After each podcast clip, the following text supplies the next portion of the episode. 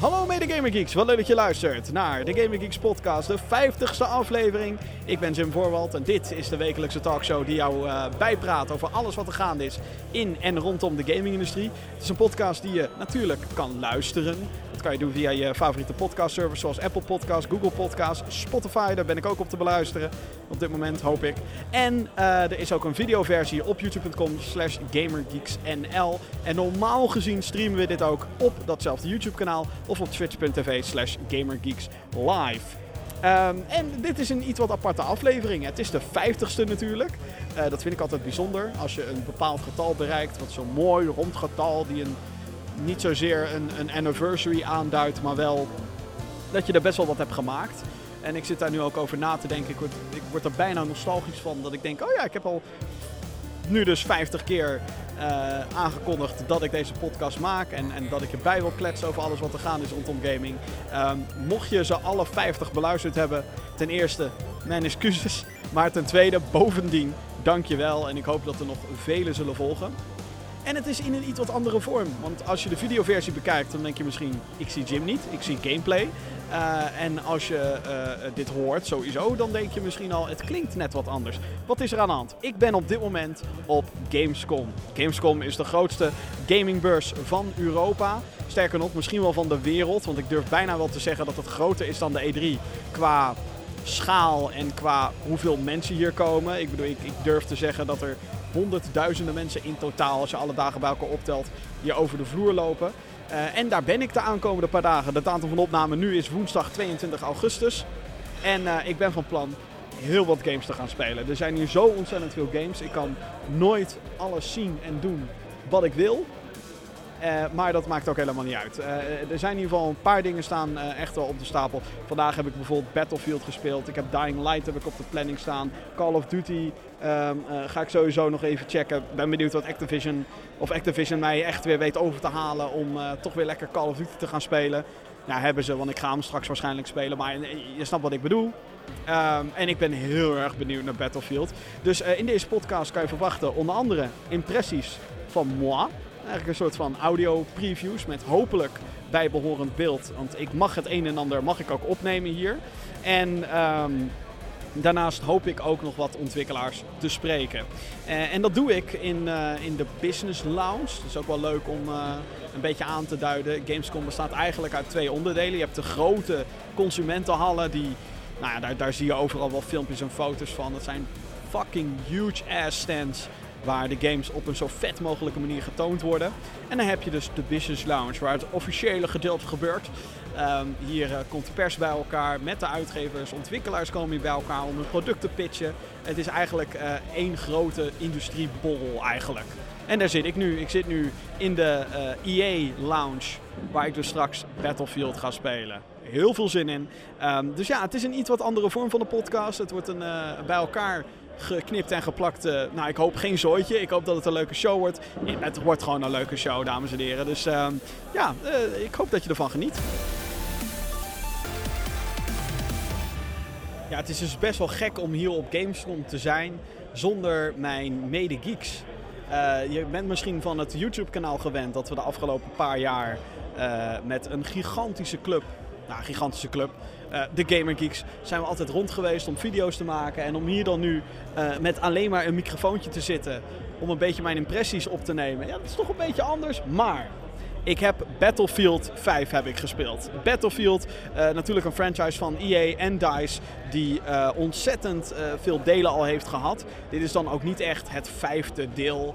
we hebben Battlefield Vietnam nog gehad. We hebben Bad Company 1 en 2. Battlefield 1 hebben we nog gehad. Allemaal allerlei tussendelen. Dus of dit daadwerkelijk de vijfde is, ik betwijfel het. Maar het is wel weer een, een soort terugkeer naar de roots. In de zin dat ze naar de Tweede Wereldoorlog gaan. En de laatste tijd, zeker de afgelopen week, is er ontzettend veel te doen geweest over deze game. Uh, uh, sowieso toen de game onthuld werd, waren heel veel mensen zo van... Ah, ik weet niet of ik dat hele...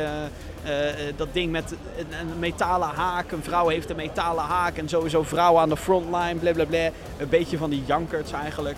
Um, het is een, een, een, Tweede Wereldoorlog game die, vond ik althans, niet heel erg serieus genomen moet worden. Um, het, het, was een soort Michael Bay trailer. Heel veel mensen vonden dat die waren daar kritisch op. Ik, vond dat, ik vind dat eigenlijk een beetje raar. Want Battlefield is een multiplayer game. In zijn uh, kern. En in multiplayer games gebeuren nou eenmaal rare dingen. En het is niet realistisch. Dus in die zin um, vind ik dat dus raar. Het is natuurlijk ook wel een manier om heel subtiel te hinten naar... hé hey jongens, we hebben dit keer geen premium pass. We gaan geen microtransacties doen met dat je wapens kan unlocken. Maar wel skins en andere uiterlijke dingen aan je personage.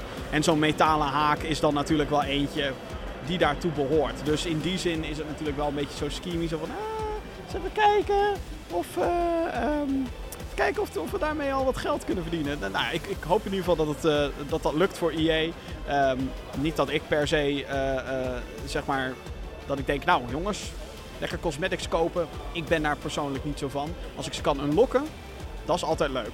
Zeker met een game als Battlefield. Ik bedoel, je betaalt er nou eenmaal gewoon al 60 euro voor. Of 65, of misschien wel 90 voor een Digital Deluxe Edition.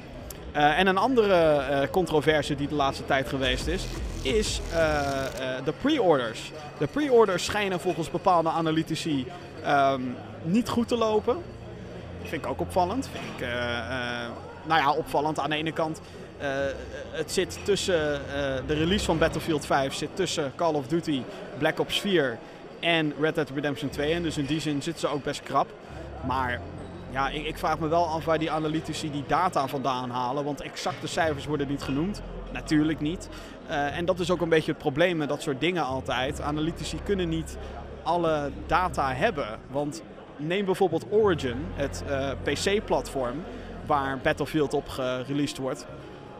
Dat is van EA. En als EA niet de behoefte heeft om cijfers te delen, dan doen ze dat ook niet. En als pre-orders inderdaad tegenvallen, dan zullen zij geen cijfers gedeeld hebben. En hetzelfde kan je ook zeggen over de vergelijkingen. Ik weet niet of Activision cijfers deelt, ik weet niet of EA cijfers deelt. Maar ja, aan de andere kant, waarschijnlijk hebben beide bedrijven wel spionnen bij elkaar rondlopen. Maar ik ben dus, ik heb Battlefield 5 gespeeld. Eindelijk kom ik er. Mijn excuses, ik doe er heel lang over. Maar ik heb Battlefield 5 gespeeld. De nieuwe Rotterdam map. Uh, dat vond ik heel erg vet, dat Rotterdam uh, in deze game zit. Uh, het is volgens mij een setting die in singleplayer levels ongetwijfeld een paar keer is voorgekomen. Maar in multiplayer nog nooit zo groot is neergezet. En het eerste wat ik al meteen kan zeggen, de graphics zijn amazing. DICE krijgt het altijd voor elkaar. Je kan, je kan zeggen over DICE games wat je wilt. Maar de graphics, daar ligt het nooit aan. dat was bij Battlefield 4 was dat niet zo. Die game zag er geweldig uit. Battlefield 1 zag er geweldig uit. Hel, zelfs Star Wars Battlefront 1 en 2. Ja, ja, ja, ja. Er is heel veel kritiek op die game, maar het ziet er wel fantastisch uit. En dat geldt ook voor Battlefield 5. Natuurlijk heb ik hier op een dikke, vette game PC gespeeld met een een van de beste monitors, een Asus Predator, of een, uh, weet ik veel wat het is hoogste hertz monitor die je maar kan hebben natuurlijk.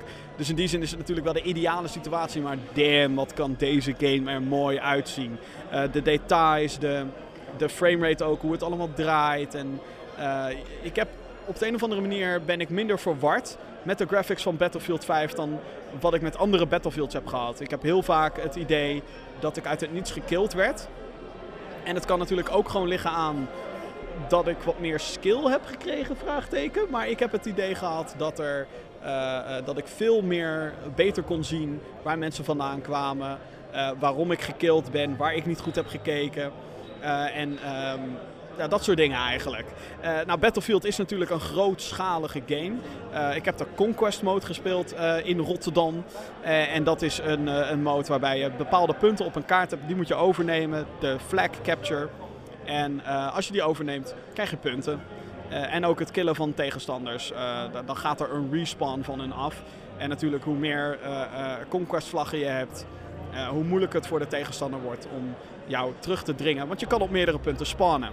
De squad gameplay in, in Battlefield 5 speelt een veel grotere rol dan in andere Battlefields. Heb ik het idee. Ik zeg dit als iemand die wel Battlefield op de voet heeft gevolgd.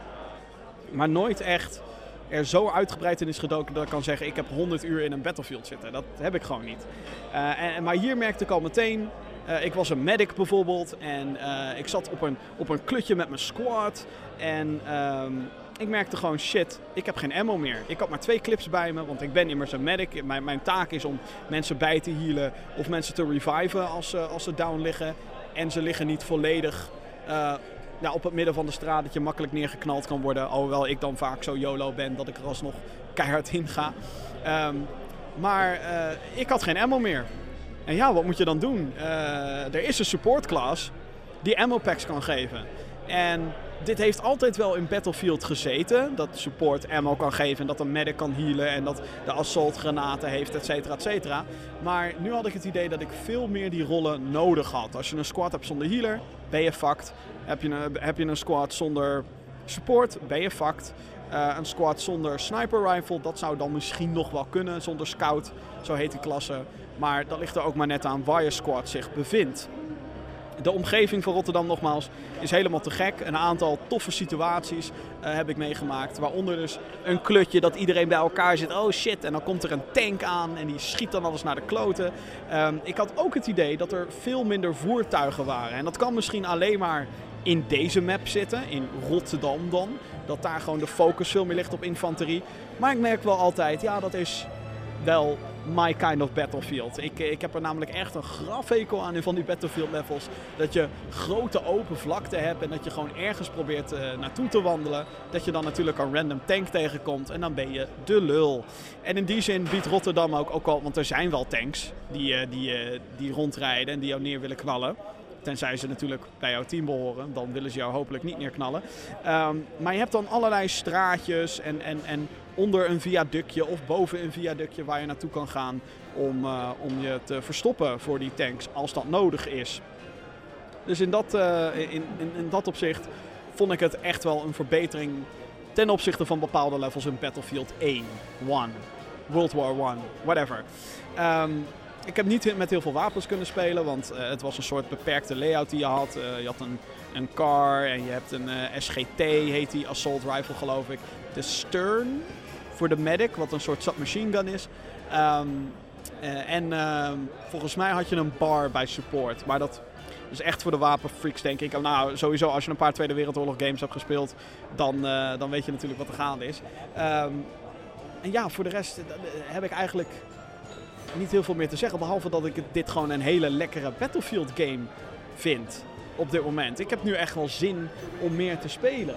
Ik zit nou toch ook naar, te kijken naar die, naar die gigantische setup die ze hier hebben. Met, uh, ik denk, 100, 120 PC's of zo. Ik denk, nou, ik wil eigenlijk gewoon wat terugwandelen en nog een keer spelen. Het zit natuurlijk helemaal vol, maar je snapt wat ik bedoel. Ik vond het gewoon heel erg leuk. En uh, hè, dat, dat je dan Rotterdam als map hebt, is een extra uh, dingetje. Eén ding moet ik trouwens ook nog zeggen over de graphics. Dat vond ik echt fantastisch. Um, dat maakte die beleving ook wat echter. Want als je begint in die map is het misschien veel te zonnig voor Nederland. Op den duur gaat het plensen en dat zag er zo vet uit. Dat, dat, daar had ik zoiets van wauw. Ik ben echt blown away. Ik heb een paar toffe headshots gemaakt. Ik heb een paar brute kills gemaakt. Ik stond continu bovenaan uh, mijn team. Dat vond ik ook wel opvallend.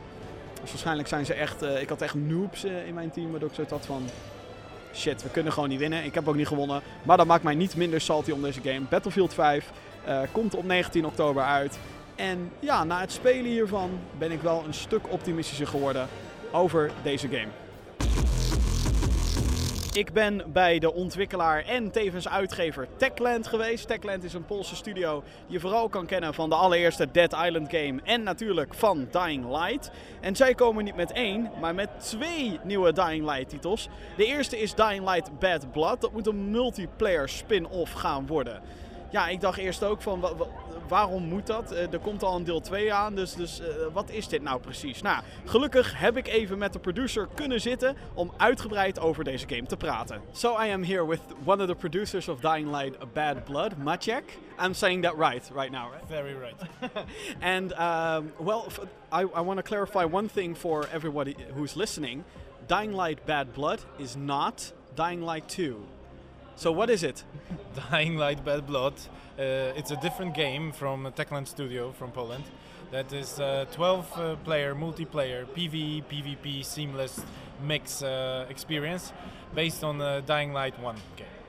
Yes, because I've been playing Dying Light 1 uh, uh, this past week, also kind of for research, so I was really getting into this. Um, it, it, it describes itself as brutal royale, which is of course a play on words. Eh? We got Fortnite and we got uh, pl- Player Unknown's Battlegrounds and other big other titles are getting into the royale genre. What makes this one different? Is it 100 players? Well, that's not what it is. But what, how uh, how do you describe the the gameplay? Uh, We have a few major differences and why we called it brutal. First of all, we have 12 players, and that's by design. We wanted 12 players because we want our games to be quick. We want to get our games to last around 10 to 12 minutes each, to have a very fast-paced, a very uh, unpredictable 10 minutes of, of your gameplay. We're expecting our players to just hop in uh, to their PCs and consoles and just play for maybe an hour and two hours a day, and that's how they will get the feeling of the game. It's extremely, extremely dynamic. Super sweat, hand sweating. So uh, this is this is a major difference. So 12 players by design. Uh, the other difference is, I mean, the Royale is, is part of it. For us, uh, you can say that we're the last man standing kind of game, but that's not completely true as well. There's a twist to it. I mean, the twist uh, is that there can be no man standing, everyone loses, and there can be also uh, a person winning the match, not killing a single person along the way. If you are smart enough as a player, you can go around these Royale kind of uh, rules and evacuate as the only player and winning the whole match without even firing a single shot. Yeah, because for those who are not uh, familiar with Dying Light, I mean, how how can't you be like you have to? I mean, it's it's. I think the game is great, by the way. It's uh, it's very. It's like Mirror's Edge meets Dead Island, which Techland, the first one, which Techland made, of course. Um, and that what's. I mean, I killed you for once. That's that was an awesome kill anyhow. that's something that happened. Um, uh, so you have all kinds of different weapons, but the the um, like the most weapons are melee focused, right? I mean, the game as Dying Light was, it's melee focused, and we are focusing. This is also another difference to all the other royales. I mean, we are melee focused. It's a close combat with parkour in a in a city that doesn't have a shrinking zone. It's kind of an open world meets uh, PvP mode in Dying Light. The city, as a player for Dying Light as you are, you will recognize part of the city that we are placing our game in, and that's uh, the slums area of the original map. Of course, deeply, deeply changed for the purpose of this game to support the PvP, make bigger arenas. Also, the Enviro itself changed quite a lot because we're placing the game more or less 12 months after the after the original game take, took place. So we have different uh, trees, different grass. The whole vegetation is different in the city. Now I recognize some of the monsters and zombies that we're in because it's PVE. You need to gather blood samples to level up, so you have a better chance against your opponents. Uh, I saw some um, boss-like characters. They are protecting the blood samples, the hives. That those are your experience points. Um, and I saw some familiar faces. The spitter one, the goon, which is this big guy with a hammer. Um, are there gonna be any new additions, or did you tweak these uh, monsters or bosses? Um, there were some changes in behaviors. You can recognize that they, they became less predictable. Uh, the placement of there is more cor- is more correct for towards PvP. Uh, so there are changes to zombies, and we're planning to bring in new zombies anyhow for the future. But uh, one thing you mentioned before, and I wanted to go back to that, is that uh, the city itself is different also for that reason that we wanted to to for the players to experience that the parkour gameplay. So we changed the parkour for it as well. Now the chases between players and the, the way you really lead your gameplay is completely different to the fact that we changed it towards PvP. But anyhow, the city is dangerous. Anything can kill you. Starting the, with our famous zombies, and even the small ones. Virals are also quite a pain in the pain in the neck. But the big ones like demolishers or goons uh, are really part of the Enviro. But what is really the most dangerous, and that's the difference in uh, in uh, Dying Light Bad Blood, is the other players. These are the ones that are the ultimate target the, and the ultimate weapon towards you as well. So that's that's how we see it. It's, it's kind of like the opposite of the original Dying Light, where the focus was either you going on your own or co-op. Um, was there were there a lot of challenges with balancing that because now you're fighting against each other instead of uh, with an uh, I mean there's still RPG elements in it of course with the way you level up. Um, how how hard was it to balance that because now you're suddenly PvP. I mean, it wasn't easy, but we didn't build only on the original Dying Light. We have Be the Zombie mode, which was kind of a PvP. We already had the hives, Uh, in there we had uh, people turning into zombies and rebalancing the whole game. And also we took quite a lot from custom maps from the community because those guys they made themselves PvP modes already. So we had custom maps with PvP where people would join co-op but they would have internal challenges between themselves. So we kind of took from the community already. And it's it's an amazing thing because we still in Dying Light we have more than half a million people playing the game every week and we have more than 14 million played together so there is quite a lot of material and quite a lot of feedback to the game itself and we have really full booklets of stuff that we can take from there. Uh, did the development of Bad Blood start out as a uh, expansion or DLC of the original game, or was it always meant to be a standalone product? Because that's what it is. I mean, it comes. It's, it's a good question, but it comes from the fact that when uh, my team started working on a 10 and 12 uh, program, I don't know if you recognize that program, but it was a 10 DLCs given for free to Dying Light players. So that was my team working on that, and one of the ideas that popped because we asked every single time we dropped and uh, we dropped uh, content, we're asking what else we can bring, and one of the ideas was PvP mode. And when we sat down to really go into it, we realized that it, this one is a bit bigger. So we decided to go standalone. We got the team and the expertise from the guys that did Beat the Zombie, uh, and we got together and we said, okay, this must be a standalone kind of a product because it's big enough to really put the whole gameplay around it. Now I want to talk about the uh, way you're releasing the game. It's coming out in September on Steam Early Access. Um, uh, players who, who get that uh, or they, they, can buy a founders pack.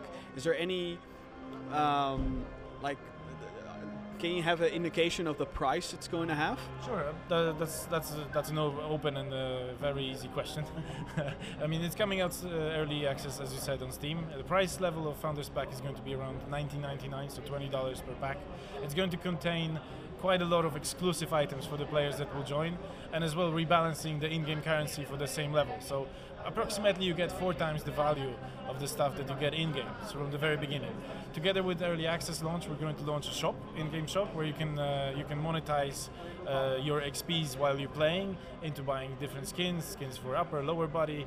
Uh, you can monetize it also on skins for your weapons. So these are the things we're bringing exactly from day one already, and we're just going to build on that uh, meta level because you're going free to play afterwards with this monetization system. Do you have any indication of how long the early access period is going to be? I mean, we know that we're going to eventually launch and we intend to have free to play, but we don't know when. Uh, first thing we're going to do is polish the game, get it really fixed uh, the way we like and the way the community will say, okay, now it's on a good level. We're going to go uh, consoles first, and then we're going to turn into a free to play. So we want to be sure that quality wise we're not losing anything from what we expect to have. And when you mention consoles, I mean, I think obviously it's PlayStation 4, Xbox One. Is there any chance of a Switch version? I would love to see it myself, but I don't know. We, we have some things uh, happening with Switch, but that's not for my game. Oh, oh, what's this? I need to ask someone who's working on a Switch game.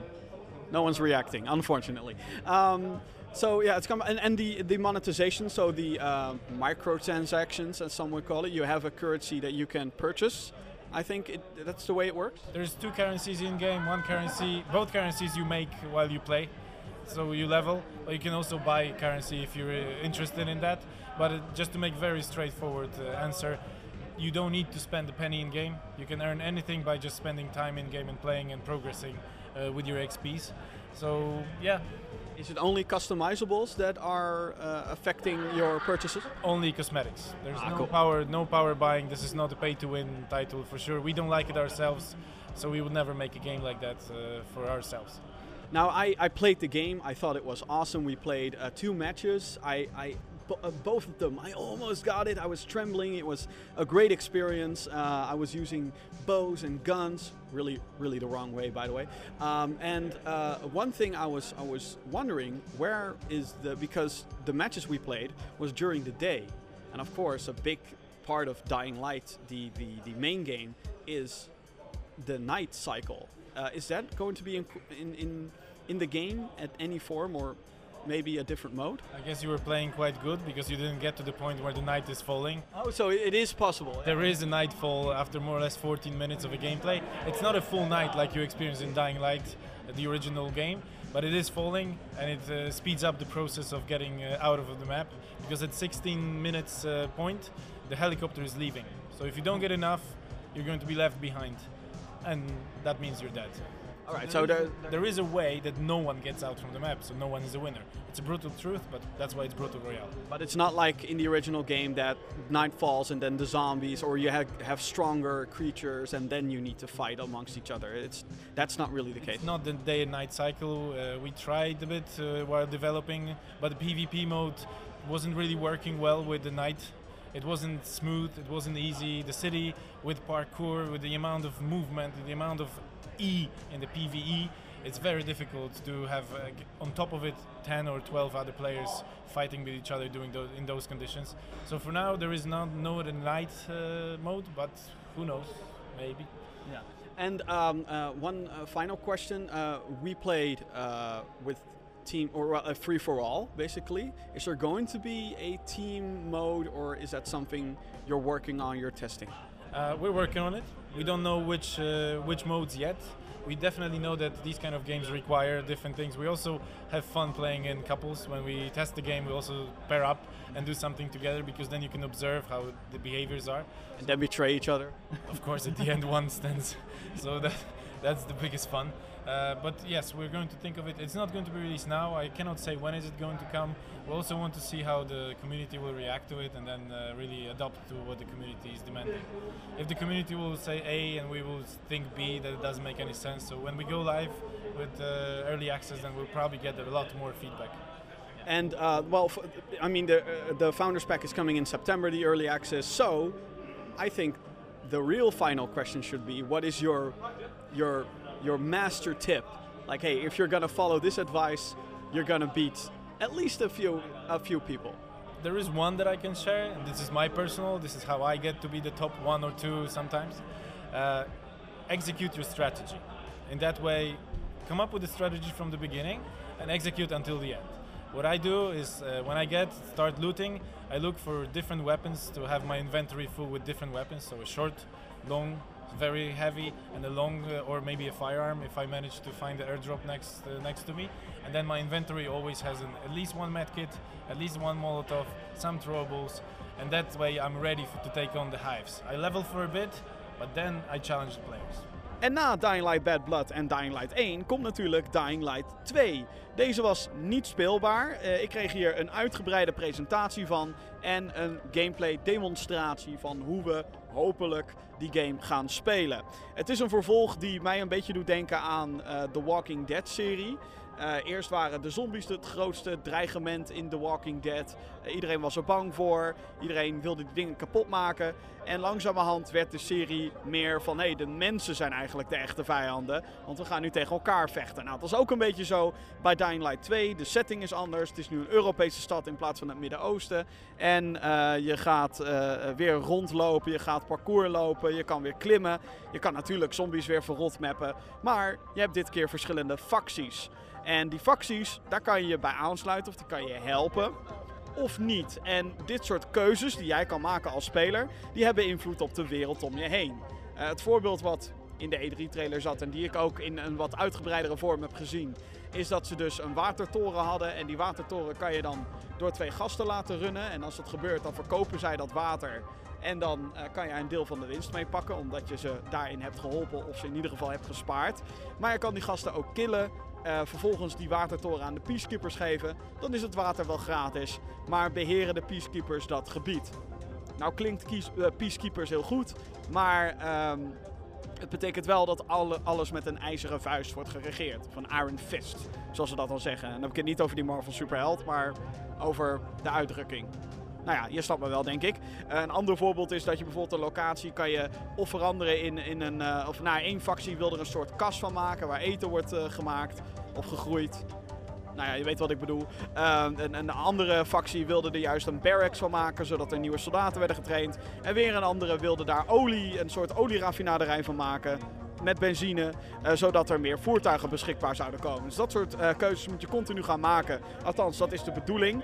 Ehm, maar de rest is ook zeker niet met rust gelaten. Eh, er is meer parcours aanwezig. Je had natuurlijk al dat je kon springen en kon klimmen overal waar je kon. Nu zit er wat meer wallrunning in. De stamina gaat een grotere rol spelen met het parcouren. Dus het is niet zo dat je oneindig kan klimmen. Er zijn ook sommige parcours puzzels zijn daar ook omheen gebouwd. Eh, en eh, nou ja, wat me verder opviel vooral is dat de PR-machine gewoon in volle gang is bij Techland. Eh, het is allemaal, ze hebben een duidelijke boodschap. hey, jij hebt de keuzes in de wereld en die moet jij gaan maken. En eh, ik heb een paar vragen gesteld over, nou, hoe zit dat nou met de nachttijd bijvoorbeeld? Eh, eh, hè, want Dying Light 1 had heel veel dingen in de nacht. De gameplay veranderde, de omgeving veranderde, de zombies veranderden. En kan je wat aan je character doen, want je hebt heel veel keuzes in de game.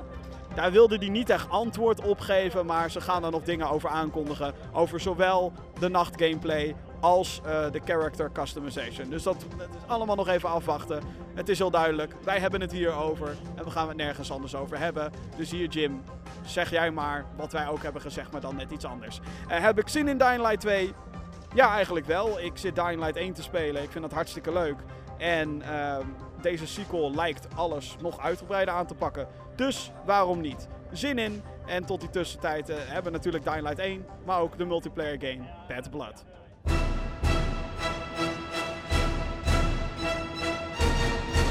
Eerder deze week werd Diablo 3, die Eternal Collection, aangekondigd voor de Nintendo Switch. Dat was natuurlijk ook een beetje naar aanleiding van Gamescom. En dat vond ik echt helemaal te gek.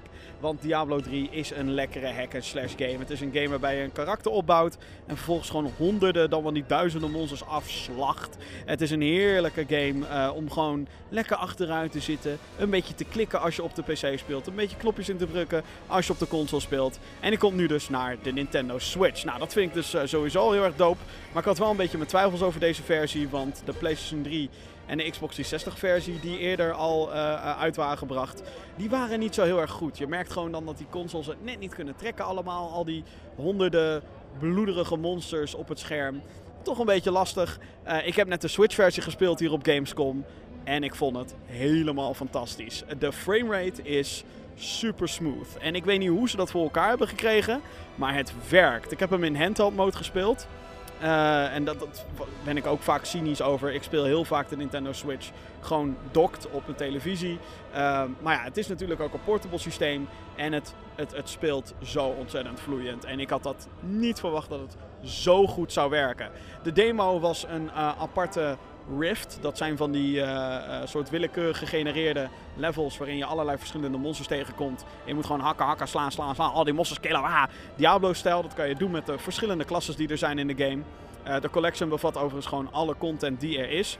En um, ja, deze Rift was volgens mij een beetje bedoeld om te laten zien van ja jongens, deze versie kan uh, een honderd monsters tegelijkertijd op je scherm hebben. En het is niet zo dat die Switch daardoor uh, in de fik vliegt. Want dat gebeurde inderdaad niet. Ik was echt wel verbaasd. Ik zat helemaal van wow, dit is gewoon Diablo 3, maar dan op de Switch. het draait natuurlijk op een lage resolutie.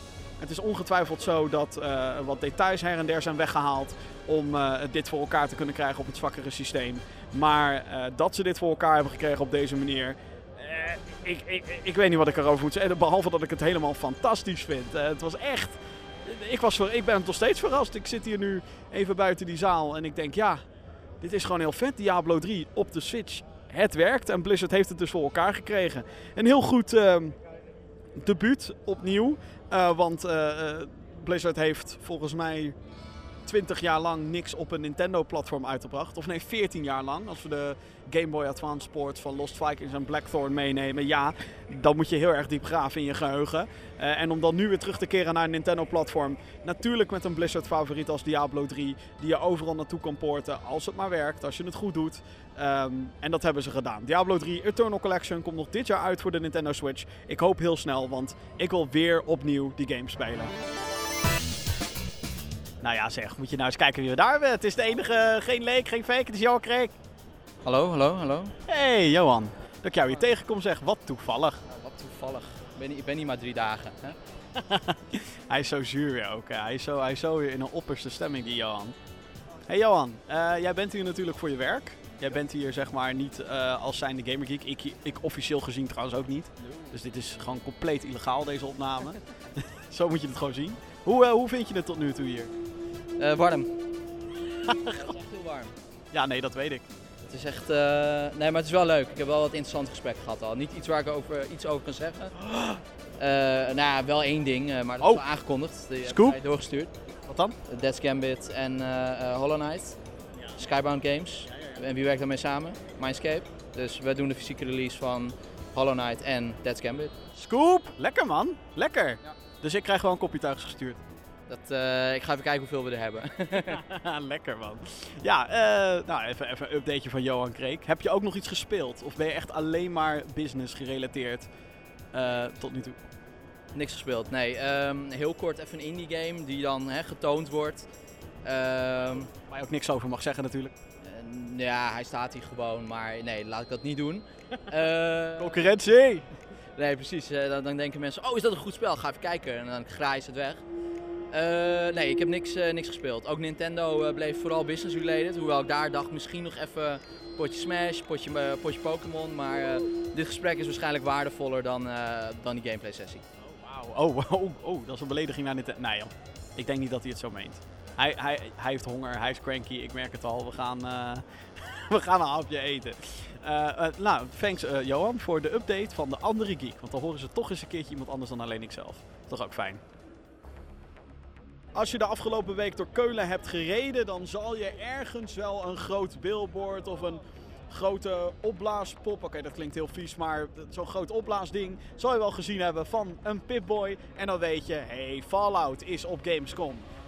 Die heb ik niet gezien, want hij is ook niet speelbaar. Dus dan heb ik er meteen al een stuk minder interesse in. Trailers, et cetera, die kijk ik wel lekker online. In plaats daarvan ben ik wel naar Bethesda toe gegaan om Elder Scrolls Blades te spelen. De mobile game die eraan komt. En Rage 2. De nieuwe open world first person shooter van Avalanche Studios, de makers van Just Cause. eh, In samenwerking met id Software. Nou is daar ook al wat verwarring over. id Software zijn de makers van Doom en Quake. En iedereen dacht dus dat die studio Rage 2 echt aan het maken was. Nou is dat niet echt zo. Avalanche maakt de game. En ik denk dat id Software gewoon zijn geheime saus heeft gedeeld van... hey, dit is hoe wij first-person shooters aanpakken en maken. En ehm, ja, ik zou zeggen, gebruik het voor Rage 2. Voor degenen die niet weten wat Rage 1 is, dat moest eigenlijk de nieuwe grote serie worden van het eerder genoemde id Software. Eh, na Doom en na Quake moest Rage het nieuwe grote ding worden. Dat werd het niet echt. Het was een, ehm, een half open world game. Ehm, en met half bedoel ik dan grote levels eh, die als een soort van schakel dienden tussen andere levels. Niet super boeiend. Eh, ik heb de game onlangs nog eh, uitgespeeld. En ja, Rage 1 is, het is wel leuk, het is wel aardig. Maar het is niet zo dat het een hele bijzondere game is. Het is niet een game waarvan ik denk, nou jongens, als je een hele gigantische library hebt aan games, dan moet je echt wel, je moet wel echt vrij tijd maken voor Rage. Dat dus absoluut niet. Het is gewoon een leuke game, maar niet bijzonder. Zeker niet omdat in die tijd, 2011 hebben we het dan over, was Borderlands ook super populair. Goed, ik dwaal af. Nu hebben we een vervolg. Wordt dit vervolg beter? Jazeker. Ehm Rage 2 eh focust zich veel meer op een open wereld en meer voertuigen en meer gekkigheid. Just Cause, hè, waar, waar Avalanche aan werkt, is over de top. Doom is over de top. Nou, stop die twee bij elkaar en ehm, je hebt een hit te pakken. Eh, de studio achter Mad Max, eh, of althans, Avalanche heeft ook Mad Max gemaakt eh, en Just Cause. De Mad Max invloeden zijn hier duidelijk, zichtbaar, voelbaar eh, en ook hoorbaar af en toe met gasten die helemaal schreeuwen. "Ah!"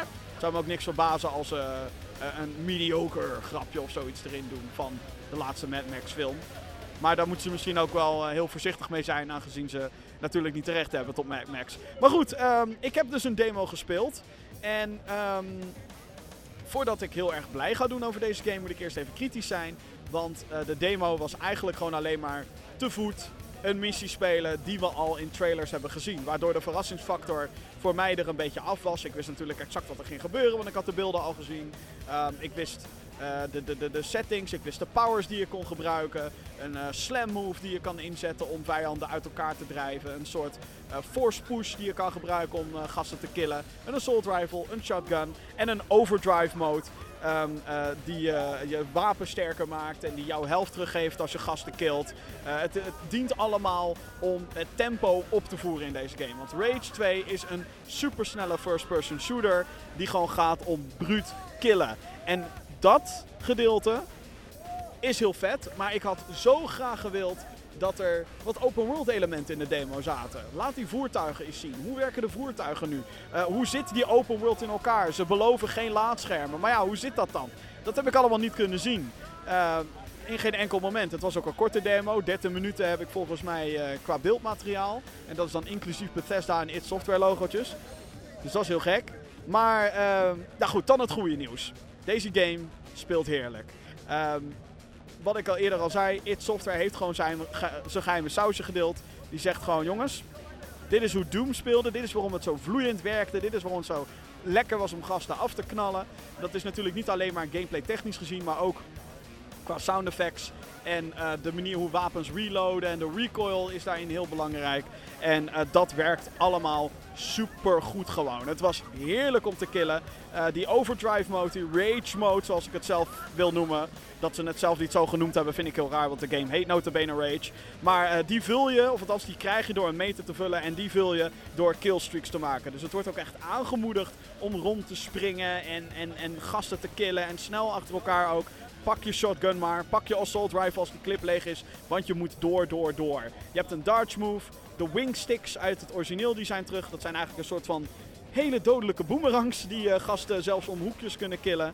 Um, het speelde heerlijk. Daarom ben ik misschien ook wel extra teleurgesteld dat de demo zo heel kort was. Want ik wilde gewoon meer, meer, meer van deze game. De oemf zit erin. De oemf die ik omschrijf uh, als first-person shooters keiharde actie hebben. En ja, Rage 2 heeft dat zeker weten. Dus dat was fantastisch. In uh, de lente van 2019 komt Rage 2 uit voor de PC, PlayStation 4 en de Xbox One.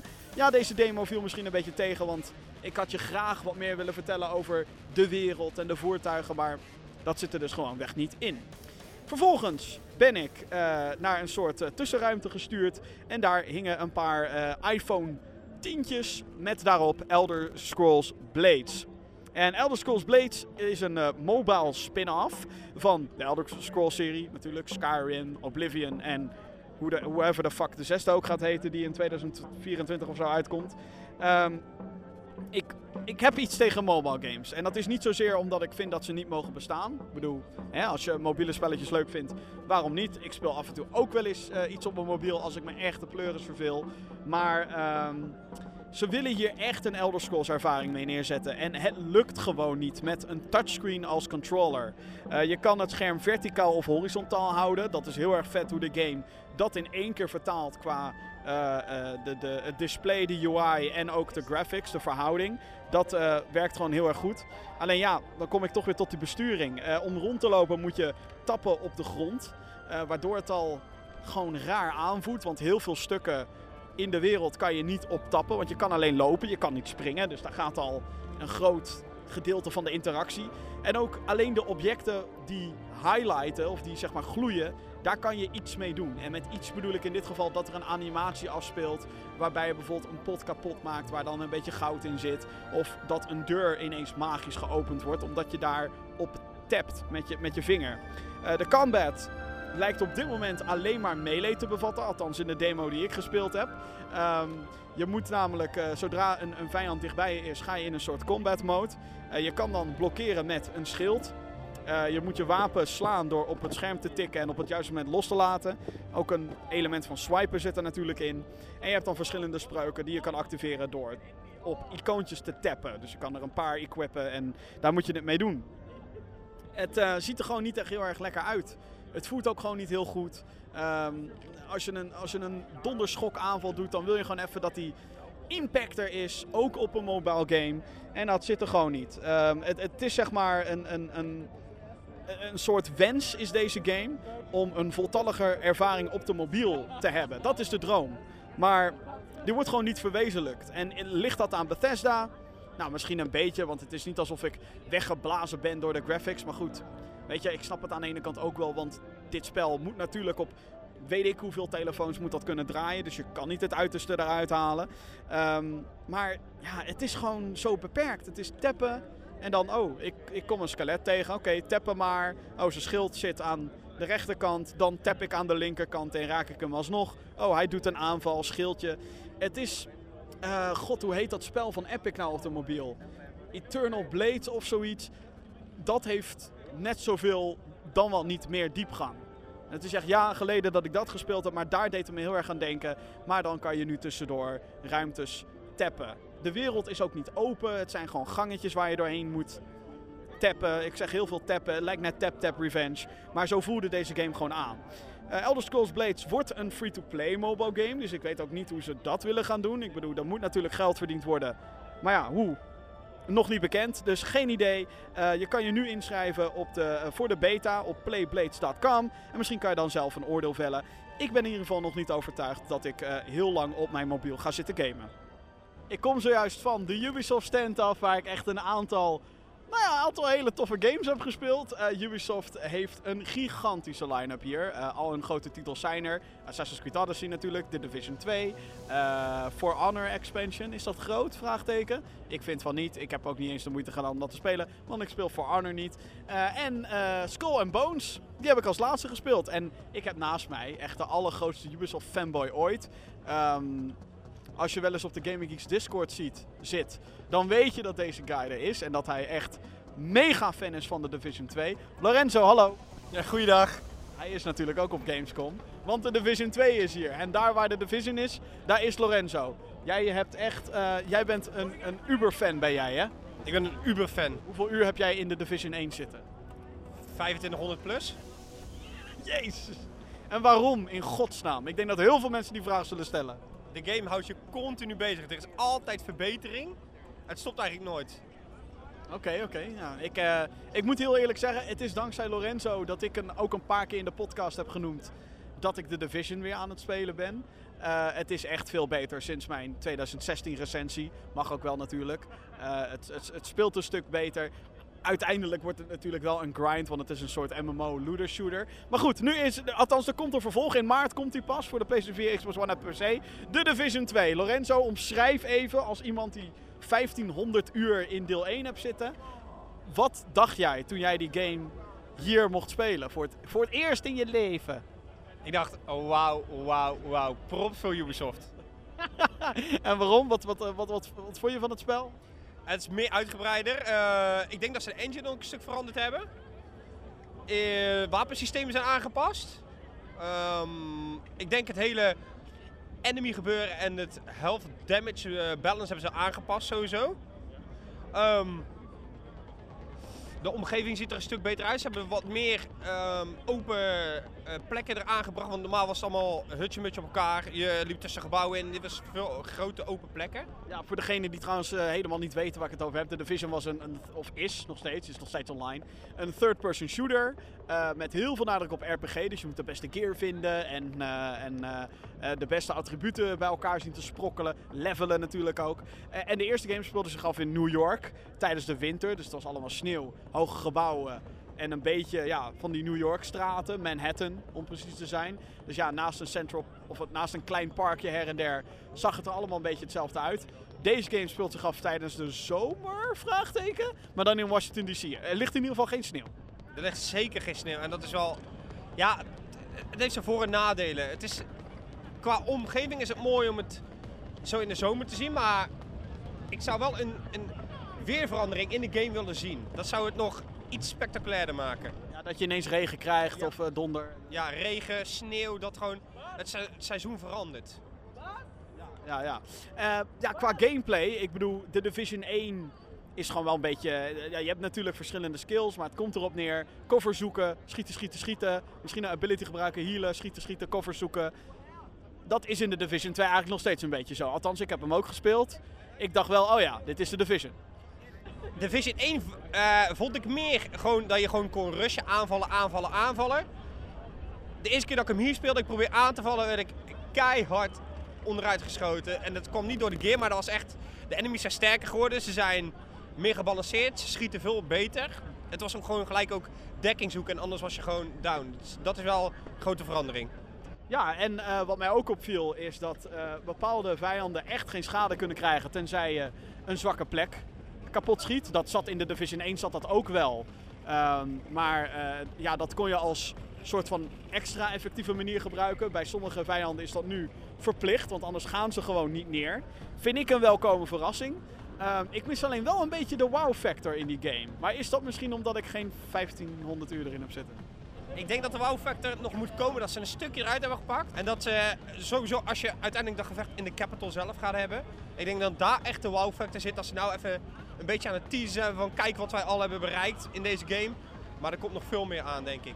Ja, ik vond het er eh, best goed uitzien ook. Het is niet alsof het een lelijke game is, alles behalve. Maar ik speelde met controller. Ik heb de Division 1 op de PC gespeeld. Dus ik zat helemaal met shit, wat zijn allemaal knopjes. De besturing is ook nagenoeg hetzelfde. De interface is nagenoeg hetzelfde. Ja, de gameplay eigenlijk ook, maar dan nu net wat anders. eh, of althans wat kleine subtiele veranderingen zitten her en der. Zoals dat je helft dus bijvoorbeeld als je een medkit gebruikt. Komt niet in één keer een paar stukken helft erbij. Nee, nu gaat het langzaam. Zodat je wat meer eh, eh, gedwongen wordt eigenlijk om goed cover te zoeken. Denk ik dan. Ehm, in maart komt hij dus uit. Ik moet zeggen, ja, wel leuk. Ik denk dat wij zo meteen weer een keertje in de rij gaan staan. Zeker weten. Of een fastpassje gebruiken kan ook. Dat kan ook. En nou ja, goed, niet alleen de Division was hier, zoals eerder gezegd. Assassin's Creed Odyssey hebben wij beide ook gespeeld. Eh, wij zijn beide, kan ik zeggen, Assassin's Creed fans. Ik ben net wat kritischer op sommige Assassin's Creeds geweest eh, dan jij, Lorenzo. Want wat vind jij van het verschrikkelijke, gadverdamme Assassin's Creed Unity? Ik vind hem gewoon. Ik vond de gameplay goed. De game was mooi. Ik snap alle kritiek niet op die game. Het was, Fuck gewoon, you. het was gewoon een 10. Flikker op. Oh man, Unity, wat een shit game. Maar goed, eh, ik vond Origins van vorig jaar vond ik echt te gek. De Egyptische Assassin's Creed. Eh, het is een open world serie met een mix tussen stealth, RPG en gewoon actie. Hè, actie in verschillende tijdperken, dat is het bijzondere van Assassin's Creed. Eh, in Odyssey, de nieuwe, niet te verwarren met Super Mario Odyssey overigens, die andere game, die ook fantastisch is. Eh, Odyssey speelt zich af in het oude Griekenland. Je kan dit keer kiezen of je een mannelijk, vrouw, eh, of een mannelijk character bent of een vrouwelijk character. Je kan gesprekken aangaan met characters. Het is veel meer RPG dan de vorige Assassin's Creed games. Het is nu eigenlijk een soort van, fuck dat hele stealth. Het zit er natuurlijk nog wel in, maar we zijn nu gewoon een actie-RPG. Ja, ja, ik vind het. eh, mijn eerste indruk toen die aan werd gekondigd, dacht ik van nee, Ubisoft, waarom? Neem de tijd voor een game. Na Oranges leek bijna onmogelijk om daar overheen te komen. Maar zoals ik hem nu heb gespeeld, qua abilities wat allemaal is en zo, hij komt toch wel goed in de buurt bij Origins. Ja, want eh, wat dus echt nieuw is in Odyssey. Of nou, laat ik het eerst even zeggen wat niet nieuw is. Eh, de game is eigenlijk gewoon een nieuwe Assassin's Creed Origins. De graphics zijn qua kwaliteit hetzelfde. Het is natuurlijk wel een andere setting. Maar je merkt gewoon dezelfde engine is gebruikt. dus Hetzelfde type character models is gebruikt. Dezelfde type animaties worden gebruikt. Die zijn natuurlijk nieuwer, want je hebt dit keer andere wapens. Ehm, eh, maar eh, eh, de, de, interface is hetzelfde. De progressie is hetzelfde. De manier hoe je objectives doet. Dat is allemaal Assassin's Creed Origins. Maar dit keer heb je dus bepaalde abilities die je kan doen. Dit doe je door een van de trackers in te houden. eh, en dan een van de face buttons te doen. Dus op de Xbox is dat A, B, X, Y. En op de Switch ook. Maar goed, deze game komt niet naar de Switch. Dus dat telt even niet. En op de PlayStation is dan natuurlijk vierkantje, driehoekje, rondje, kruisje. Ehm, en eh, eh, deze special abilities. Ja, die, die hebben dus bepaalde punten. Die kan je opmaken met die abilities. En deze waren super nuttig. En vond ik super vet. Eh, je had bijvoorbeeld een Spartan kick, want je speelt als een Spartaan. Nou, hè, als je iets wil in zo'n game, is het een Spartan kick. Dus je kon gasten echt lekker ver wegtrappen. Of vrouwen, zitten er allebei in. Eh, je had een, eh, een, een move waarbij je schilden kon afpakken. Nou, daar heb ik heel erg dankbaar gebruik van, van gemaakt. Want al die Grieken die hebben alleen maar schilden bij zich. Dus dat was heel erg vet. Je, hebt ook, je hebt niet alleen maar melee abilities. Maar je hebt ook bijvoorbeeld dat je assassination sterker kunnen worden. Of handiger. Eh, of dat je eh, bijvoorbeeld drie pijlen in één keer met een boog kan schieten. Dat is wat ik onder andere had. Ik vond dit best wel vet. Ik dacht zo, oh ja, nu moet je een soort van gaan nadenken over welke setup je ook doet. Want je, moet, je hebt maar een beperkt aantal slots. Ja, ja je hebt ook een, eh, bijvoorbeeld wat wel handig is, een ground punch. Dat eigenlijk enemies om je heen, die vliegen eigenlijk gewoon een paar centimeter weg. En zijn gewoon even verstijfd eigenlijk in principe. En ik vind de enemies een stuk slimmer geworden. Ja, vind je? Ja, normaal lieten ze nog wel eens een schild zakken en dan kon je eigenlijk kon je ze raken. Maar ik kreeg eigenlijk gewoon niet een kans om met een boog van- dichtbij gewoon neer te schieten. Want dan werd ik al gewoon bijna helemaal verrot gestoken door, eh, door de mensen die op me afkwamen. Ik denk dat wel dat ze slimmer zijn geworden. Ah ja, oké, oké. Ja, ehm, wat mij opviel, eh, we- we spelen natuurlijk een vroege beeld hier op Gamescom. Het is nog niet de, de, de final game. 5 oktober komt hij overigens uit. Zin in. Ehm, en het was best wel, eh, het was wel rough, zoals ze dat dan zeggen. Het, het was, eh, de framerate dipte weet ik hoe vaak. Textures werden niet ingeladen. Ehm, en toch moet ik weer zeggen dat die klungeligheid er af en toe nog een beetje in zit. Dat een vijand bijvoorbeeld, dat jij op een tentje staat, die vijand staat eronder en je kan hem gewoon niet normaal raken. Je kan ook geen, even geen sprongetje doen of zo. Het is gewoon een beetje, soms is die typische awkwardness van Assassin's Creed is er weer. Maar goed, moeten we dat dan maar voor lief nemen of uh, moeten ze hier echt weer eens een keertje wat aan gaan doen? Nee, ik denk dat het al heel lang bij de game hoort. Ik denk dat we het wel voor lief moeten nemen. Moeten we gewoon doen. Ja, uh, wat ik al zei, 5 oktober komt hij dus uit, Assassin's Creed. Uh, en de laatste, daar komen wij net vandaan. Yo ho ho, Skull and Bones. Een game waarin je een piratenschip bestuurt. En je moet op zoek naar treasure. En naar andere piratenschepen of, of mercenary ships of vloten om ze kapot te schieten met je pirate ship. Beetje. Ik uh, ben heel erg kritisch geweest op deze game. Ik snap de meerwaarde niet. Het is eigenlijk gewoon de schepenmode uit, um, uit Assassin's Creed 4. Maar dan net wat uitgebreider, omdat je andere type schepen hebt. Er ligt wat meer nadruk op hoe de wind staat. Dat heeft dan heel erg uh, invloed op hoe, hoe snel je natuurlijk gaat. Um, en ja, die indruk heb ik eigenlijk nog steeds. Ik vond het wel leuk. We moesten gewoon een beetje schepen kapot maken. We kregen daar 20 minuten de tijd voor. Ja, uh, uh, wat vond jij ervan, uh, Lorenzo? Skull and Bones. Het had me een beetje. Ik vond hem wel, ik vond hem wel, ik zou hem niet gaan kopen. Misschien als hij ergens ooit in de aanbieding is, maar ik vond het wel een interessante game. Toch wel? Ik vermaakte me wel, ja. Of het is een beetje het competitieve gedrag van me, maar ik vond, hem, ja, ik vond het een vermakelijke game. Het zag er leuk uit. Ja, de, de schepen hebben dus allemaal specifieke abilities. Ik had bijvoorbeeld een schip die kon, uh, had een soort... Ja, een ultimate wil ik het niet echt noemen, maar gewoon een bepaald uh, ding wat je kan inzetten. Die had bijvoorbeeld een ram ability. Dus ging je extra snel en dan kon je andere schepen keihard mee rammen. Uh, nou, het eerste gevecht wat ik dan ook echt goed aanging met een schip. We hadden allebei hetzelfde type schip, dus we deden allebei die ram move. Waardoor onze beide health bars al voor de helft leeg waren. Maar ja, het, weet je, ik, ik zeg natuurlijk wel, het is maar de bootmode uit Assassin's Creed 4. Maar die was wel ontzettend goed. En vermakelijk voor wat het was. Ik vind het alleen zo jammer dat ze dan nu een volle game daaruit proberen te maken. Want als ik daar, als ik daar dus heel kritisch over ben, denk ik, ja, 65 euro voor, voor dit. Ik bedoel, uh, bijvoorbeeld als, je, als je een schip hebt uh, beschadigd, dan kan je hem boorden. zodat je dus alvast al die treasure kan meenemen, die gasten kan killen. En dan kan je dat schip voor de rest lekker met rust laten. Want iedereen is toch al dood. Uh, maar dat gaat alleen maar met een druk op de knop. En dan krijg je een kleine cutscene. En dan denk ik, ja, fuck. Je had gewoon, je had gewoon de kans om, om Sea of Thieves keihard in te pakken. Met een echte piratengame. Maar in plaats daarvan is het een schepengame. Ja, ik, zou, ik ga hem in ieder geval niet kopen. Maar zoals het eruit zag, ik vond het leuk qua met windrichtingen spelen en dat soort dingen. Maar ja, of het echt een game de, echt een hype wordt, ik denk, nou, ik denk dat ze de plank hebben misgeslagen met deze game. Ga de plank maar op, zeg je dan. Ik uh, denk dat ze gekielhaald worden door uh, de kritische mensen. Zoals, zoals ik. Precies. ja, nou goed, om iets minder kritisch te zijn, het was heel leuk, maar is het een toevoeging op het Ubisoft arsenaal aan games? Dat denk ik niet. Dan denk ik dat ze veel meer de piratenkant op moesten gaan qua het zijn van een piraat. En niet het besturen van een schip. Want daar komt het gewoon op neer. Zo, sorry, dat was een boertje aan het eind. Daar komt het op neer. Goed, mateys. Ubisoft. Ja, wel een sterke lijn. Ze hebben nog veel meer trouwens hoor. Uh, ik noemde al For Honor. Maar ook Transference is hier. Rainbow Six, daar komt natuurlijk weer iets van aan. Het is bizar.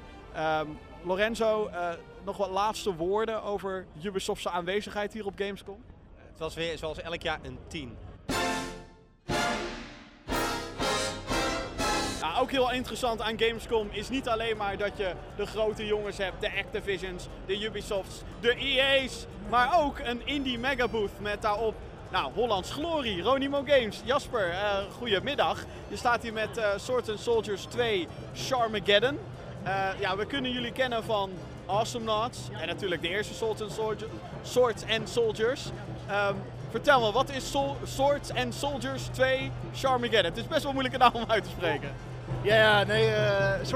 Uh, Swarmageddon is vanwege uh, dat het een re-release is. Uh, het origineel is uitgekomen voor de Wii U een aantal jaar geleden. En nu zijn we dus bezig met een Steam, PlayStation 4 en Switch versie van diezelfde game. met als grote toevoeging online multiplayer. Ja, te gek. Ja, ik heb net een paar potjes gespeeld. Toen dacht ik, ja nee, hier moeten we even over praten, want dit is echt heel erg leuk. Um, ik zou het zelf meer omschrijven als een soort, eh, ja, denk aan een MOBA, want je hebt twee lanes. En dan een real-time strategy. En dan iets versimpeld ingepakt. Is dat een beetje de juiste omschrijving? Ja, ja, nou ja wij, eh, wij zien het zelf inderdaad wel echt als een strategiegame. Uh, als een soort van gestroomlijnde StarCraft bijna. Je hebt een basis, je hebt een economie en je hebt keuzes die je moet maken over welke units ga ik eerst researchen en dan inzetten en zo. Dus dit, ja, het gaat wel heel erg naar het hart van wat een RTS maakt, zeg maar. Ja, ook omdat je drie facties hebt. Je hebt de Demons, de Persians en de Vikings. Alle drie met hun eigen stijl en units. Um, hoe was dat? Om, want het is, uh, uh, het is niet alsof je top-down kijkt. Het zijn dus twee lanes, het is 2D. Ja. Um, hoe, hoe, zorg je ervoor dat uh, dat soort units en dat soort facties dan van elkaar verschillen ook? Nou ja, er zijn natuurlijk simpele dingen zoals wat de units kosten en hoe snel ze zijn en dat soort dingen. Maar ook speciale mogelijkheden en ook ja, in eerste instantie denk je natuurlijk altijd aan ieder volk moet een poppetje hebben die kan schieten in ieder geval. En iemand moet, elk volk moet iemand hebben die voorop staat. En hoe maken we die dan weer verschillend? Dus de vikingen hebben gewoon uh, een, een, flinke kerel die heel veel klappen kan hebben.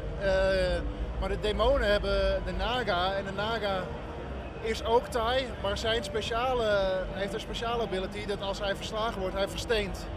En dus uh, is hij, hij is eigenlijk ook een tanky unit die voorop kan staan, maar speelt toch weer heel anders dan bijvoorbeeld die van de Vikingen. En de Persen die hebben eigenlijk helemaal geen echte tank.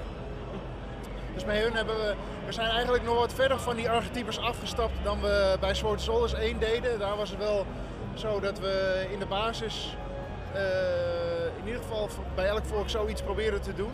Of uh, van elke rol uh, een vervulling te hebben van de traditionele RPG-systemen, zeg maar. Maar hier is het nog veel. bij, de, bij de Perzen zijn de units eigenlijk over het algemeen wat zwakker dan die van de andere volkeren. Maar hun spel zijn, zijn dan weer sterker en zo. Ah, ja, ja, dus het is een beetje een balans tussen agressie en, en de spreuk inderdaad. Ja. Um, want vertel me even over Sultan Soldiers 2, de, de eerste versie, de Wii U versie. Die werd echt hard gepusht door Nintendo. Ja. Alleen met de Wii U wilde het niet echt lukken geloof ik. Nee ja, uh, de Wii U is natuurlijk nooit het succes geworden wat uh, Nintendo ervan hoopte. Uh, en dus was, het, is, was het voor onze game ook wel lastig in eerste instantie. Het was heel cool. Op de Wii U hadden we, hadden we heel gefocust op local splitscreen of dual screen multiplayer. Dus zodat elke speler zijn eigen scherm had. want dat is wel ja, dat maakt het game wel echt een stuk beter. We hebben nu op consoles, op de PlayStation 4 krijgen we ook local multiplayer. Maar ja, dan kun je wel van elkaar zien uh, wat je aan het bouwen bent. En dat betekent dat er dus wel beperkingen zijn aan hoe hoog niveau je het lokaal kunt spelen tegen elkaar. Want je kunt gewoon screensheeten. En daarom is voor die platformen online ook echt belangrijk. En daarom hebben we de tijd genomen om die toe te voegen op Steam, PlayStation en Switch inderdaad. Ja, want uh, de, de Switch-versie komt er ook aan. Die wordt niet gemaakt door jullie zelf, maar door een andere partij. Uh, hoe gaat dat dan? Is dat de eerste keer dat jullie dat doen? Nou, dit is de eerste keer dat we de, samenwerken met deze partner. De, die heet Engine Software. ook een Nederlandse club. Holland. Holland, nee. nee ja, ze zijn heel, heel capabel en vlot. als wij iets nieuws toevoegen aan de game, dan zit het ook vrij snel in de Switch-versie. Dus we zijn heel blij met de samenwerking tot nu toe. En ja, we hebben in het verleden ook al met andere partners gewerkt. Zo uh, Two Tribes, die hebben origineel naar uh, iPad gebracht. En dat was ook heel leuk. En de grap is, Two Tribes heeft ook een Nederlandse club trouwens. Ja, die zijn van, die zijn van Rive natuurlijk. Ja, en Tokitori. Tokitori. De gekke games. Ja, zeker. Het is toch kut dat ze ermee stoppen ook? Nou ja, toevallig zijn zij ook bezig met, voor ons, met Sword Soldiers 1 naar de Switch brengen. Oh, ja, ja, scoop. en uh, zij zijn ook degene die van origine bedacht hebben dat op de iPad het misschien wel cool zou zijn als je splitscreen tegenover elkaar zit. En dat hebben ze nu ook uh, gedaan voor de Switch. En dat gaan we nu ook voor Sword Soldiers 2 doen. Dus als je voor Sword Soldiers 2 op een losse Switch speelt tegen elkaar, dan zijn de schermen dus tegenover elkaar gespiegeld. Ja, dan moet je hem dus verticaal leggen en dan heeft ieder een Joy-Con en dan kan je tegenover elkaar zitten om een soort tabletop idee eigenlijk. Ja, ja precies, tabletop. Ja, dat is een goeie. Eh, dus ja, dan kun je tegenover elkaar zitten en dan is het dus ook alweer wat moeilijker om bij elkaar af te kijken. Dan moet je je hoofd soort van tilten. Precies. Ja, en, en hij draait ook als een zonnetje, die Switch versie. Ja, ja, ja, we zijn eh, echt heel blij. eh, en ik bedoel, het is natuurlijk eh, quote-unquote maar een 2D-game. Maar er gebeurt wel een hele hoop eh, op de achtergrond en zo. De, de graphics zijn eigenlijk heel rijk eh, voor een 2D-game. En we zijn ook wel... Er is een hoop werk gegaan in alles zo mooi mogelijk krijgen. Dus we zijn heel blij met de performance, ja. Even los van deze game. heel veel mensen zullen jullie kennen van Awesome Nuts. Ik zie die game, weet ik hoe vaak, op Steam ook voorbij komen. Hey, update of een, eh, dan is er weer een, een free weekend waardoor heel veel mensen weer eh, erop gaan springen en toch denken, oké, ik moet het spelen. Zijn er nog andere plannen? Hebben jullie al iets in de toekomst eh, eh, liggen waar je denkt, oké, als dit eenmaal uit is, Swords and Soldiers 2, dan gaan we dit doen? Ja, we hebben wel plannen liggen. Scoop. ehm, en dingen waar we aan werken natuurlijk. Ehm, waar ik nu verder niets, niks over kan zeggen. En eh, ja, we hopen ook dat Sword and Soldiers, eh, als die het goed doet, willen we graag ook wel wat meer doen met de multiplayer. Want eh, je kan nu gewoon online factie tegen factie spelen. Met vrienden kun je met samengestelde legers spelen. Dus legers die bestaan uit allerlei units, uit allerlei facties. Dan kun je zelf een soort van deck beelden een beetje. Dat is ook wel leuk.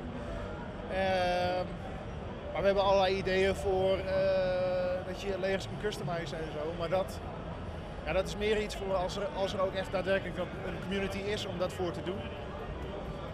Dus ja, er zijn, er zijn zeker wel plannen voor de toekomst voor uh, Ronimo, inderdaad. Eh, we hebben natuurlijk, eh, of althans, we hebben het net heel veel gehad over de multiplayer, maar er zit ook een singleplayer campaign in. Oh ja, zeker. Eh, er eh, wat wij, ja, het streefgetal is ongeveer 10 uur aan gameplay. Eh, als je heel goed bent is het sneller, als je de tijd neemt dan is het een stuk langzamer. Maar inderdaad, de campaign hebben we ook wat speciaals mee gedaan. We hadden op de Wii U al dat er eh, karaktertjes waren die je tussen de, in het verhaal onderbraken en je de mogelijkheid gaven om te spelen met de units en spels die je tot dan toe in de campaign gezien had. Wat we nu hebben gedaan voor de re-release Swarmageddon is de stijl wat veranderd.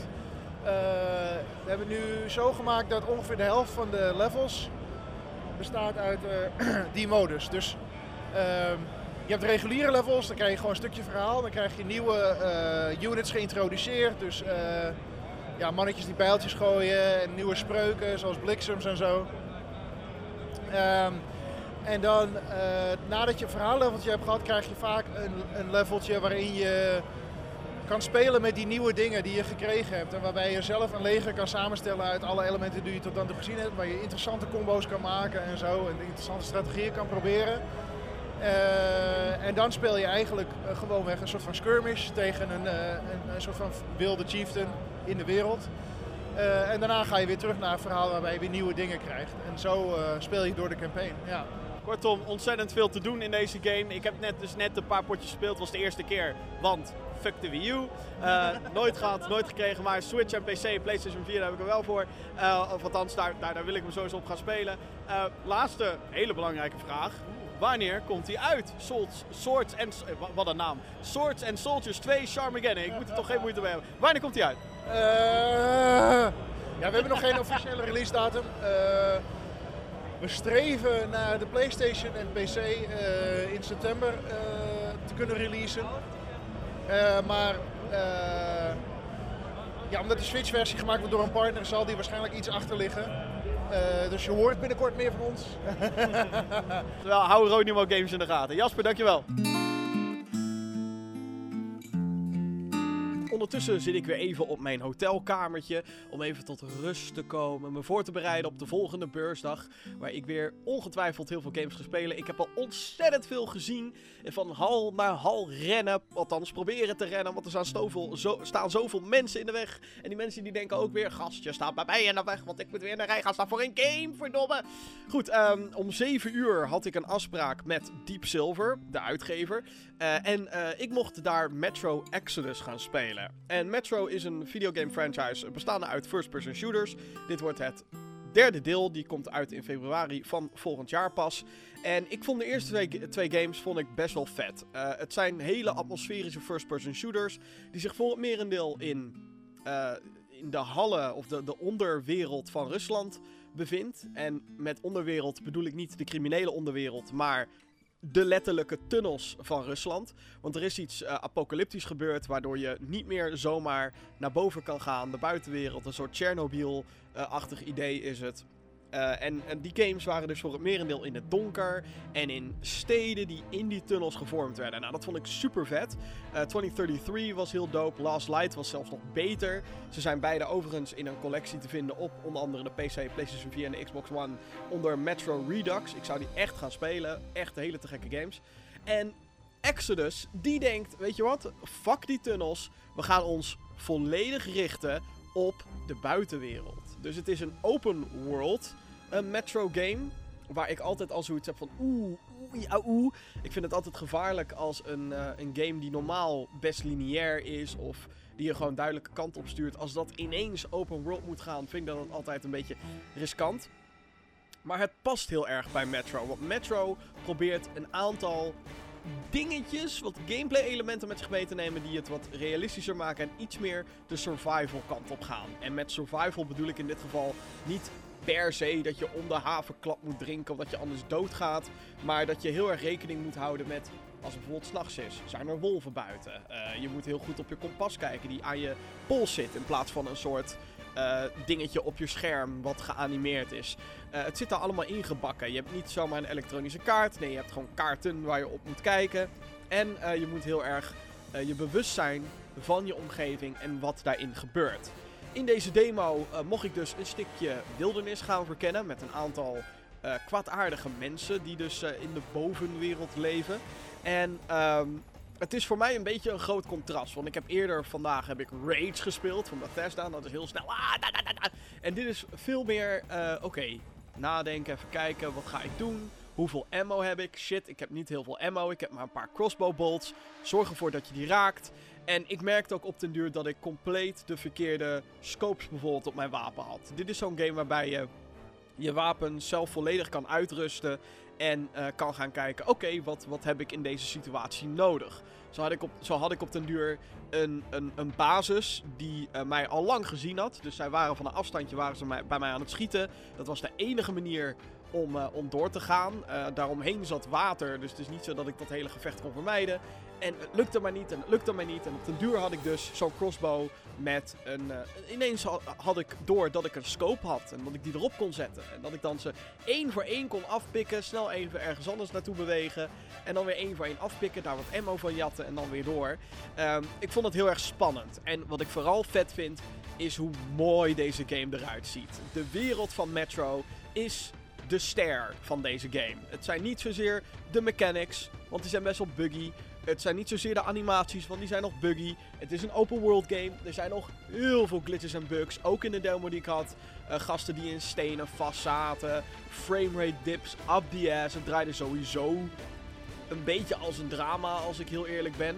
Maar goed, de Metro games zijn zwaar. En dit zijn van die games die waarschijnlijk pas de laatste twee maanden in de ontwikkeling pas echt in de optimalisatie gaan. Dus in die zin uh, zie ik het heel erg door de vingers. Want ik weet gewoon hoe lastig het is. Althans, ik zeg wel dat ik weet hoe lastig het is om zo'n game te maken. Maar ik kan me voorstellen dat ze nu echt nog niet met uh, optimalisatie bezig zijn en hoge framerates, bla bla bla. Dat komt hopelijk allemaal richting release.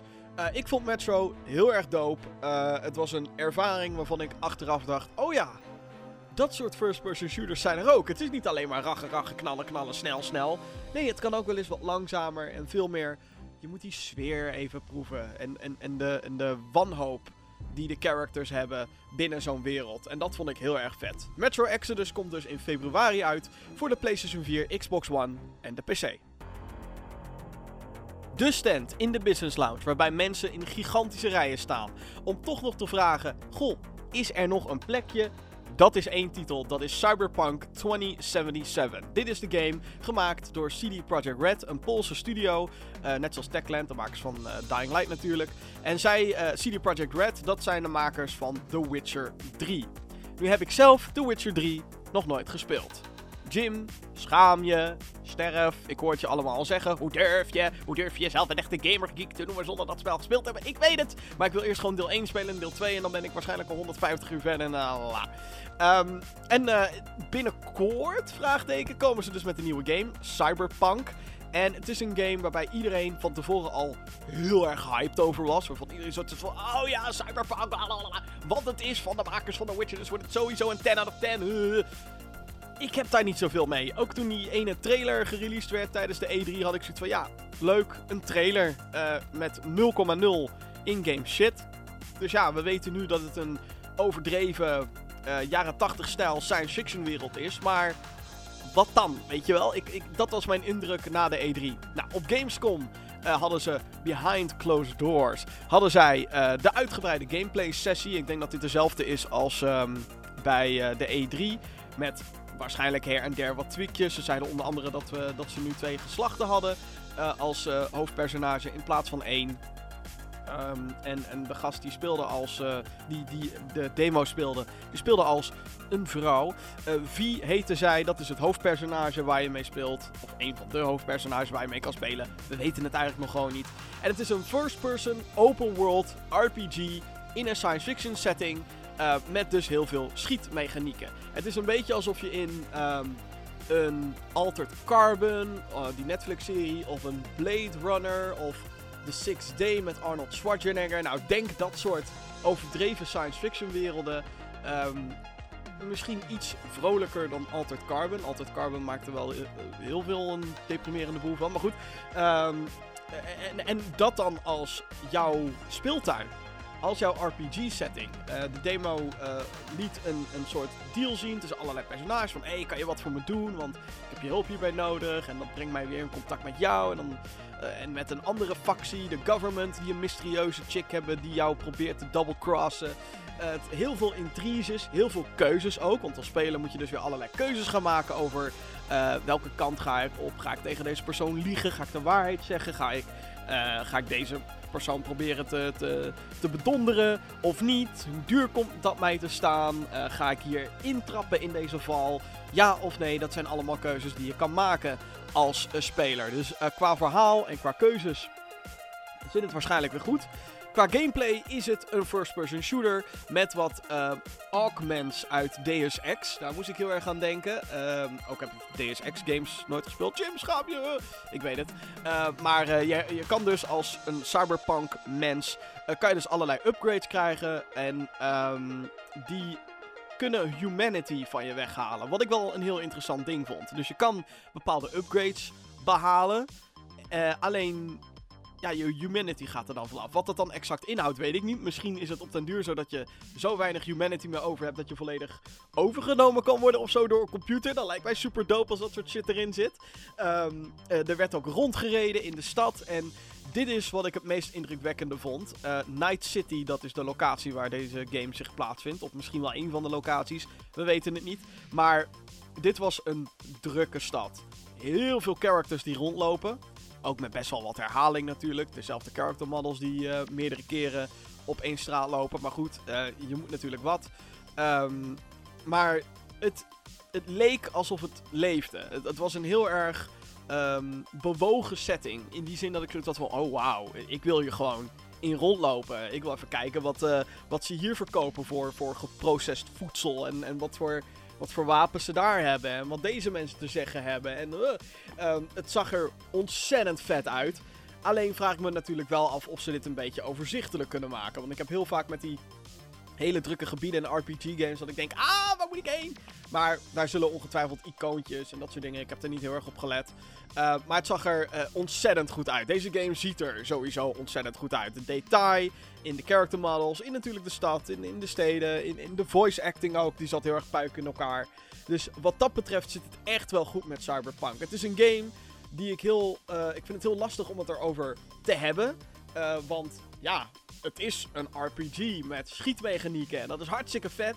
Alleen, hoe leg ik aan jou uit dat dit echt heel erg indrukwekkend was? Was het het feit dat iedereen vroeg van, oh mag ik erbij, please? Want oeh, ik wil, ik wil hem ook zien. Of is het iets wat je zelf moet gaan zien? Nou, op het moment van opnemen is het nog steeds een behind closed doors demo. Um, ik weet Niet of ze dit nog gaan releasen of wat dan ook. Ik hoop het wel, want eigenlijk moet iedereen dit gewoon zien, vind ik, om uh, te weten, dit is Cyberpunk. Uh, ik ben best wel hyped voor Cyberpunk. Ik had dat niet verwacht. Ik dacht eerst, oké, dit wordt weer zo'n overrated game. Maar um, ik was na dit, na deze presentatie, was ik toch best wel dat ik dacht, oké, oké, oké, jongens, ik, jullie hebben mijn mond gesnoerd. Ik ben onder de indruk. Maar wanneer we dit kunnen gaan spelen, dat is nog geen idee. CD Projekt Red neemt zijn tijd om zijn games af te maken. Zij willen altijd gewoon een volledig product afleveren. Ze willen geen early access bullshit. Ze zijn tegen lootboxes, tegen microtransacties, tegen whatever. Als zij een DLC aanbieden, dan behandelen zij dat als een expansion. Dus in die zin zijn ze nog een beetje ouderwets, maar wel in de goede vorm ouderwets. Want ik denk, kijk, zo moet het. Dus um, gokje 2020, 2021 of zo, voordat we echt deze game kunnen gaan spelen. We moeten, het, we moeten het vanzelf gaan zien.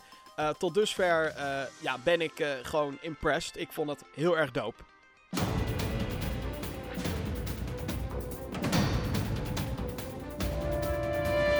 partij die natuurlijk ook weer groots aanwezig is op Gamescom is Wargaming.net. Uh, je kan ze kennen van een spel genaamd World of Tanks. Het is een spel die uh, in Nederland niet zo heel erg bekend is, maar in uh, delen van Duitsland en vooral Rusland, daar is het huge, die game. Het is een online free-to-play tank game waarbij je als een tank speelt en uh, de, de vijandige tanker moet kapot schieten. Het is niet alleen maar World of Tanks wat Wargaming heeft uh, tegenwoordig. Ze hebben ook World of Warplanes, uh, World of Warships. ze hebben wel andere games uitgebracht zoals Master of Orion en Hybrid Wars die we ook op, op Gamer Geeks hebben gecoverd. en met World of Warships zijn ze dit jaar naar Gamescom gegaan. Er komt namelijk een consoleversie van World of Warships. Die gaat uh, uitgebracht worden op de PlayStation 4 en de Xbox One. Wanneer exact, dat weten ze nog niet. Ze zijn nu uh, aan het alpha testen.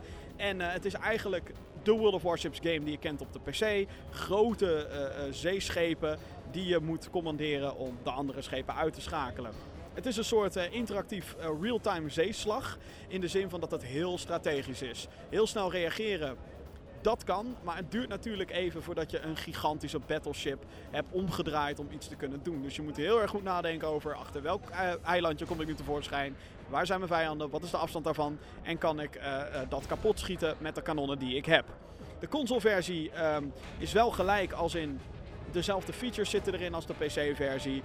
Alleen is het zo dat ze de game opnieuw hebben opgebouwd. Althans, dat zeggen ze. Uh, dus het is niet zo dat ze alleen maar een game gepoord hebben. Nee, ze hebben echt gekeken naar uh, wat kan een console en hoe kunnen we daar het beste gebruik van maken. Uh, het ziet er leuk uit. Het wordt ook free-to-play op de consoles. Maar crossplay met de PC-versie is dus niet mogelijk, want het is een andere game. Hij komt overigens uit als titel World of Warships Legends.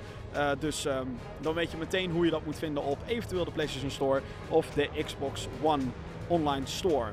Uh, en uh, dat is niet het enige waar Wargaming mee kwam. Uh, ze vieren ook een feestje dit jaar. Want Wargaming bestaat 20 jaar al. Ja, ze hebben een aantal grote successen gehad. en ze zijn dus al 20 jaar in de business. En ik sprak hierover met de CEO van Wargaming, Victor Kisley.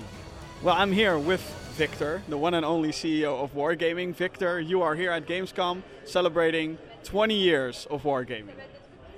Yes, it's been long 20 years. It's like the whole life. It's actually 10 million seconds if you if you count. But i'm a very happy man. I fell in love with computer games the moment i saw the first one and then doom and civilization and uh, dune 2 and all those all those games we played uh, in the 90s then i informed my parents that i'm going to make computer games for as a profession. They almost killed themselves but somehow I started making games, and yeah, 20 years later, we're, we're here. I'm a very happy, happy person because my passion as a gamer coincides, goes hand in hand with, okay, actually my day job, which is obviously bringing some money for the family, and uh, like I have to play my own games, I have to play other people's games. You have to watch competition, right? So I have amazing uh, explanation and pretext for playing games. Like it's work, honey, it's work. Yeah, but uh, in, in the past 20 years, what are some of your highlights? I mean, World of Tanks has to be one of them. That's, of course, the big success story. When you say wargaming, you say World of Tanks. Um, what are your personal highlights from those 20 years? Well, our first press tours, that was before World of Tanks. We had this game called, uh, I mean, uh, okay, uh, we had the game called uh, Order of War, and well, truth to be told, we were equally participating in uh, PR activities with Square Enix. Of course, they were kind of leading the, the charge, but sometimes it was just uh, wargaming people, the PR team, which would jump on a minibus or fly to Hamburg or Nuremberg, just go to Computech, you know, or you know, like visiting those uh, magazines for the first time in the West. It was very, very exciting. It was like we opened the whole world uh, for ourselves and learned a lot of things, and along the way pushed pushed wargaming and that strategy game quite well.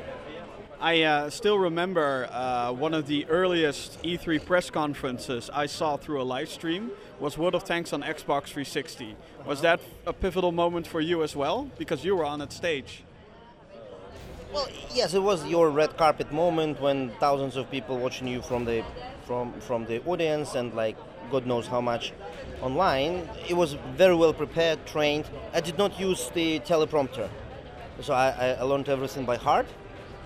Uh, and uh, I was so proud. I- I looked so much better in comparison with other Microsoft execs who would like read from the prompters. okay, this, this was an interesting moment. I, I watched this uh, stream, I don't know, 25 times. Kidding, two. And uh, looking at the future, because uh, Wargaming is investing in AR, VR, uh, and of course your franchises are still ongoing. Wh- what next big step in technology do you see where Wargaming steps in and tries to take a hold of it? Well, we are a little more, let's say, uh, realistic about VR and AR. Those two technologies, in my opinion, are not yet the technological uh, level or at the level of you know spread across the world in every household, in every pocket, uh, so that it's a good, appropriate install base for uh, free-to-play, massively multiplayer free-to-play online games. Although both technologies look very, very exciting, you know, like when you when you look at it, when, when you put these goggles and when you play like a- a good VR game, you're like, wow. But it's not yet there. So will it take over the world? Yes. Will it happen tomorrow morning? No. So it will take some time. So what we're doing literally, it's just we consider it as kind of R&D, research and development. We have a, a couple of groups of very enthusiastic uh, people like VR, AR, and they actually it's their initiative to make World of Tanks VR edition, home edition, right? Which will soon soon allow you to play tanks like two on two or four on four in VR in virtual reality from home. But it's it's not big now. We're just keeping up. I mean, we're just watching the progress developing.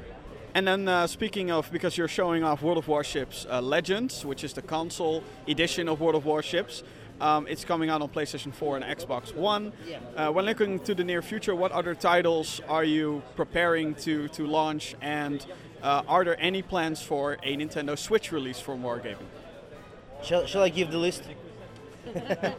Give me the list. Give me the list. Okay, we, we, we recently announced, okay, last year announced this uh, shooting game, but its primary, uh, its first market will be Russia and former Soviet Union, and then maybe Eastern Europe. But I played the game, it's really very good. It's like a slow shooter, which allows old people like me, like, to play comfortably.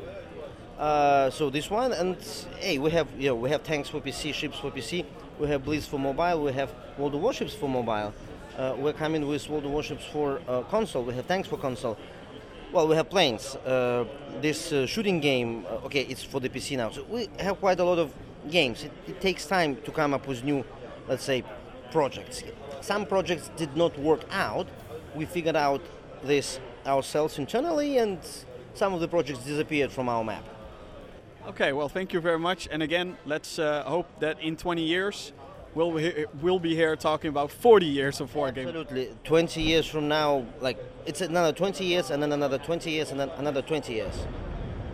Nou, daar zit ik dan in hal 7 even een eh, rustig plekje opgezocht. Want ik heb zojuist Sekiro Shadows Die Twice gespeeld. Eh, ten eerste, Jezus Mina, wat is het benauwd. Ik stond daar in die stand en ik, ik heb echt medelijden met degene die na mij moet spelen. Want die oordoppen van die koptelefoon, die zit onder mijn oorzweet. Leuk detail. Maar goed, wat is Sekiro Shadows Die Twice? Het is de nieuwe game van From Software. Die kan je kennen van Dark Souls en Bloodborne. Nou, laat ik Bloodborne nou echt helemaal fantastisch vinden op de PlayStation 4. Het is eigenlijk heel raar dat we geen Bloodborne 2 krijgen, maar in plaats daarvan dus deze game. Wordt uitgegeven door Activision, een opvallende partij. Natuurlijk, uh, zij zijn van de Call of Duties en de Destinies. En dat zij dan met From Software, een Japanse ontwikkelaar, in zee gaan, is een unieke samenwerking. En waarom die er is, weet ik eigenlijk niet. Wat ik wel weet is hoe de game speelt, want dat heb ik zojuist gedaan. En uh, als je een beetje bekend ben, bent met Dark Souls en Bloodborne, dan weet je waar je uh, je voor inschrijft. Het is een super moeilijke hack-and-slash game. Maar uh, met deze game willen ze veel meer de bewegingsvrijheid benadrukken. Bloodborne en Dark Souls voelden beide alsof je een soort tank bestuurde die uh, af en toe een, een, een zwaardslag kan maken. Uh, met uh, een grote combinatie van rollen en, en, en ontwijken en deflecten, parryen. dat zit hier natuurlijk ook allemaal in. Een dodge roll, de parry. je moet daar goed gebruik van maken. Maar jouw personage kan springen. Dat klinkt als het meest basisding wat je in elke game kan doen. Maar in dit soort games hebben we dat niet zo heel vaak gezien. En uh, daar maakt het spel dus ook dankbaar gebruik van. Je hebt veel meer vloeiende bewegingen. Um, de, de vijanden rekenen daar natuurlijk ook op. Het is niet zo dat je dezelfde langzame enemies hebt als die je in de eerder genoemde Dark Souls en Bloodborne uh, ook hebt gezien. Um, ze, ze, houden er rekening mee. Het is een Japanse setting. Uh, je bent een samurai en zo voel je je ook. Want er zit ook stealth in deze game. Je hebt een crouch knop en daarmee kan je dus door de bekende bosjes heen gaan. En kan je op die manier proberen om te sneaken naar vijanden. En zo op die manier in één keer uit te schakelen. De finishing moves die in deze game zitten zijn echt bruut. Dit is denk ik nog bruter dan nou, de andere From Software games. Uh, het bloed spatte overal. Zeker als je zo'n zwaard in iemand zijn nek racht. Zo'n heel erg lang ding. Dan is het wel zo van, oh, wow, wow, wow, wacht even dit is best wel violent. Sowieso natuurlijk een 18-plus game, dus de. Maar um, ik heb je eigenlijk wel van genoten. Uh, je hebt ook een grappling hook. En die grappling hook gebruik je dus om langs meerdere gebieden heen te gaan. Ik moet wel zeggen, ik heb hem nog niet echt gebruikt tijdens de gevechten zelf. Uh, het, uh, ja, je kan het gebruiken als ontsnapping. Maar die vijanden komen je vaak toch wel achtervolgen. Zeker als het bossfights zijn. Natuurlijk heb ik ook maar een half uurtje kunnen spelen. Dus ik ben absoluut geen pro in deze game. Ik kwam op een gegeven moment een bos tegen en ja, dat was compleet kansloos uh, tegen. Dat was een Corrupted Monk. Die, die, die chick die kon gigantisch zwaaien met haar grote speer. En ik dacht elke keer, ah, wat is er aan de hand? Een ander element, en daar komt het springen ook weer vandaan, is dat ontwijken en blokkeren niet meer de enige manier zijn, manieren zijn om aanvallen ja, te vermijden. Of althans schade te vermijden. Uh, nu heb je ook een springknop die ik eerder al benoemde. Uh, soms kwam er een logo in beeld en elke keer dacht ik, is dat een teken voor mij om te slaan? Maar wat blijkt, het is een teken voor jou om te springen. Omdat dat dan uh, een aanval is, bijvoorbeeld een, een low sweep die je niet kan deflecten met een parry. dus dat soort elementen zitten er allemaal in. Dat is super interessant. Um, ik vond Sekiro heel erg vet. Ik, ik speelde het ook op de PC trouwens. Ziet er op zich goed uit. Het is niet de meest, uh, qua, qua graphics technisch gezien, niet de meest revolutionaire game als het gaat om graphics. Dat hoeft ook helemaal niet. Het ziet er goed genoeg uit. En het draaide als een zonnetje op de PC. Dus 60 frames per second. Daarop is bevestigd. Ik kan me zo voorstellen dat het op de PlayStation 4 en de Xbox One teruggaat naar de 30. Zoals je gewend bent van Dark Souls en Bloodborne. Uh, ja, Sekiro Shadows Die Twice komt op 22 maart uit. Het heeft een aparte sfeer, een Japanse sfeer. Maar als je het speelt, dan denk je, oh ja, dit zijn de ontwikkelaars van, daar zijn ze weer, Dark Souls en Bloodborne. En zo speelt het ook. Uh, zij het met wat meer bewegingsvrijheid. En dat is wat mij betreft een, uh, ja, een aanwinst die welkom is voor de game.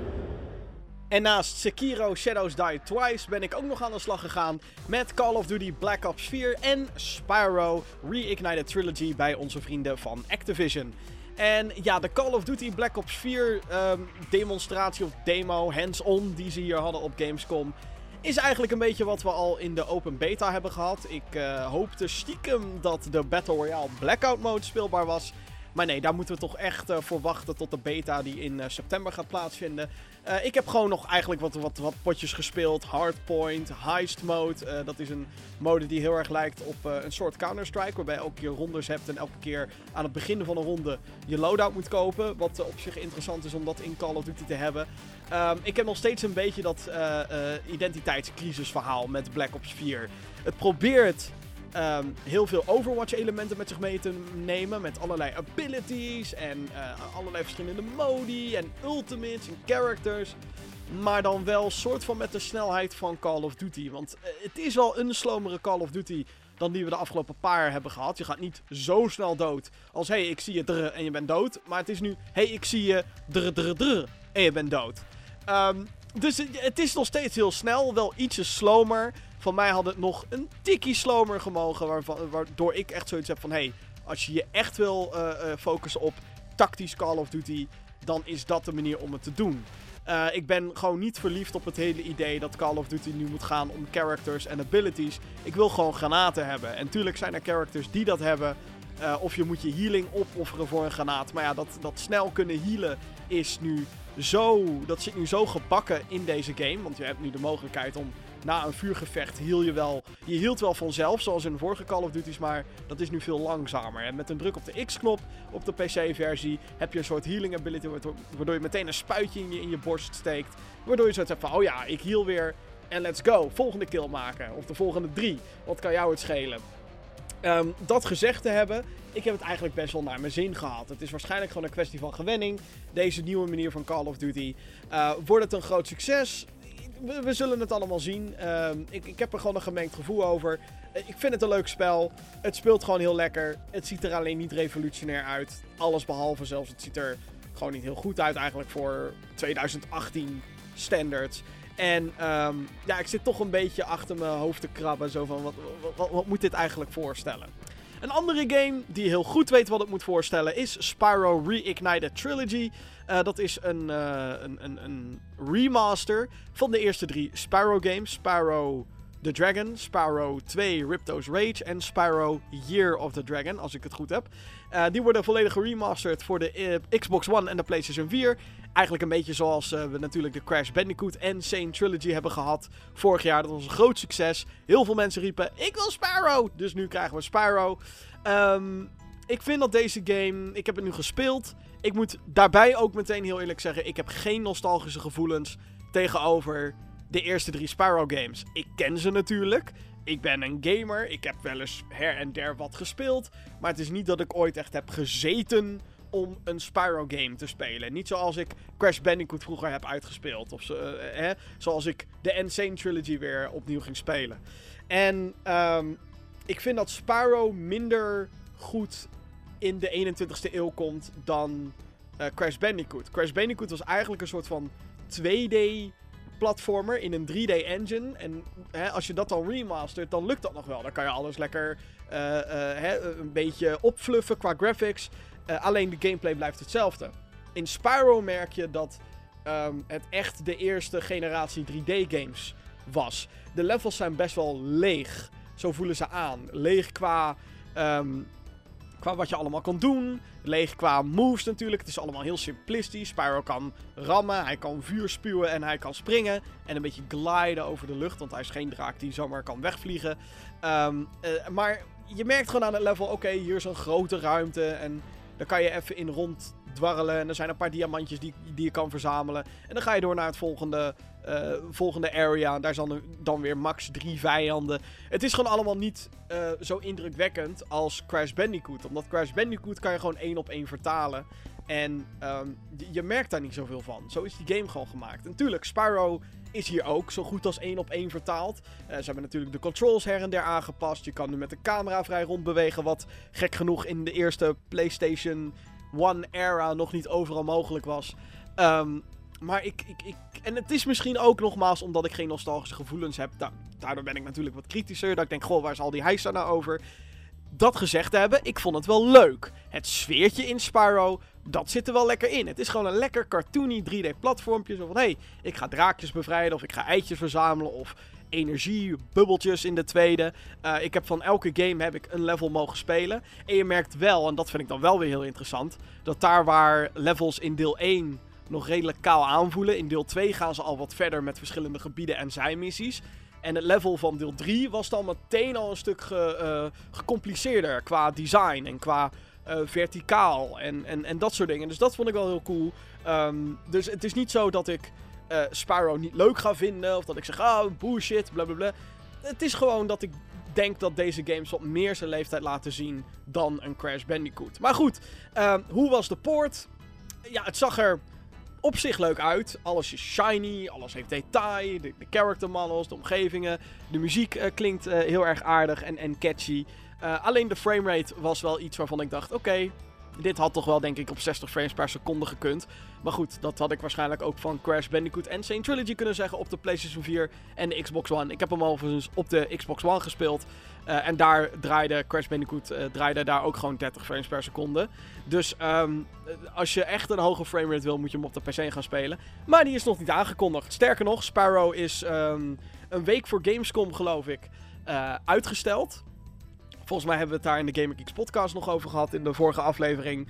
Um, het uh, komt niet meer in september uit, dat was eerst de bedoeling. Hij komt nu op 13 november. Ik denk dat Spyro-fans, er waren een paar fans om me heen die uit die demo liepen en meteen naar die developer gingen van... Yo, dit was echt, dit is echt te gek. Het is alsof ik mijn jeugd weer herbeleef, maar dan beter en mooier en het bestuurt goed. Uh. Dus die zijn heel erg tevreden. Dus als je Spyro vroeger hebt gespeeld, als ik van die reacties moet uitgaan, ja, dan wordt dit helemaal te gek. Heb je Spyro nog niet gespeeld en je hebt Crash Bandicoot nog niet gespeeld, dan zou ik zeggen: ga eerst gewoon even voor Crash Bandicoot. En als je dat in een soort 3D-variant wil, dan denk ik dat je goed zit met Spyro. Nogmaals, niet dat het slecht is, niet dat ik denk: gadverdamme wat een kutspel, maar gewoon een leuke collectie aan 3D-platformers. En nu hopen dat Activision gewoon alle 3D-games op de disc zet in plaats van eentje en dat we de rest moeten downloaden. Ik kom zojuist van de Xbox stand af, waar Microsoft een hele indrukwekkende line-up heeft hier op Gamescom. Uh, natuurlijk zijn er oude favorieten, zoals PlayerUnknown's Battleground. Er is een nieuwe War Mode, is er. Uh, ik zag uh, Forza Horizon 4 is er natuurlijk, die komt in oktober uit. Een open world racing game. mijn interesse is voornamelijk gegaan naar twee titels. Um, Devil May Cry 5 en Ori and the Will of the Wisps. Als eerste heb ik Devil May Cry 5 gespeeld. De nieuwe in de Devil May Cry serie. Dat is een hacker slash serie die gemaakt is door Capcom, een Japans bedrijf. Uh, die serie is de laatste paar jaar uh, nou, niet zozeer dood geweest. De andere vier games zijn in de remaster gegaan met een trilogy en een deel 4 master edition of whatever. En zelfs de zogenaamde reboot DMC Devil May Cry uh, kreeg nog een, een, een remaster op de PlayStation 4 onder andere. Die uh, heb ik gespeeld. Die vond ik echt super vet. Maar nu zegt de originele ontwikkelaar: leuk die reboot. Maar veel fans waren daar niet blij mee. Ik snap eerlijk gezegd niet waarom. Ja, het was een andere Devil May Cry. Maar het was een hele toffe. Maar met deze gaan ze dus weer terug naar de oude stijl. En die oude stijl is wel weer heel erg bruut hoor. Je speelt uh, in deze demo, althans heb ik gespeeld, als Nero. Een personage die uh, um, geïntroduceerd werd in Devil May Cry 4. Het uh, is natuurlijk altijd een beetje jammer als je niet meteen als Dante kan spelen. Het hoofdpersonage van alle andere games. Maar goed, ja, je kan natuurlijk niet alles hebben. Uh, Nero heeft wel een toffe toevoeging in het deel. Uh, hij heeft namelijk een, een, ja, hij mist een half arm. Dat was eerst een demonenarm. En die half arm wordt nu vervangen door robotarmpjes.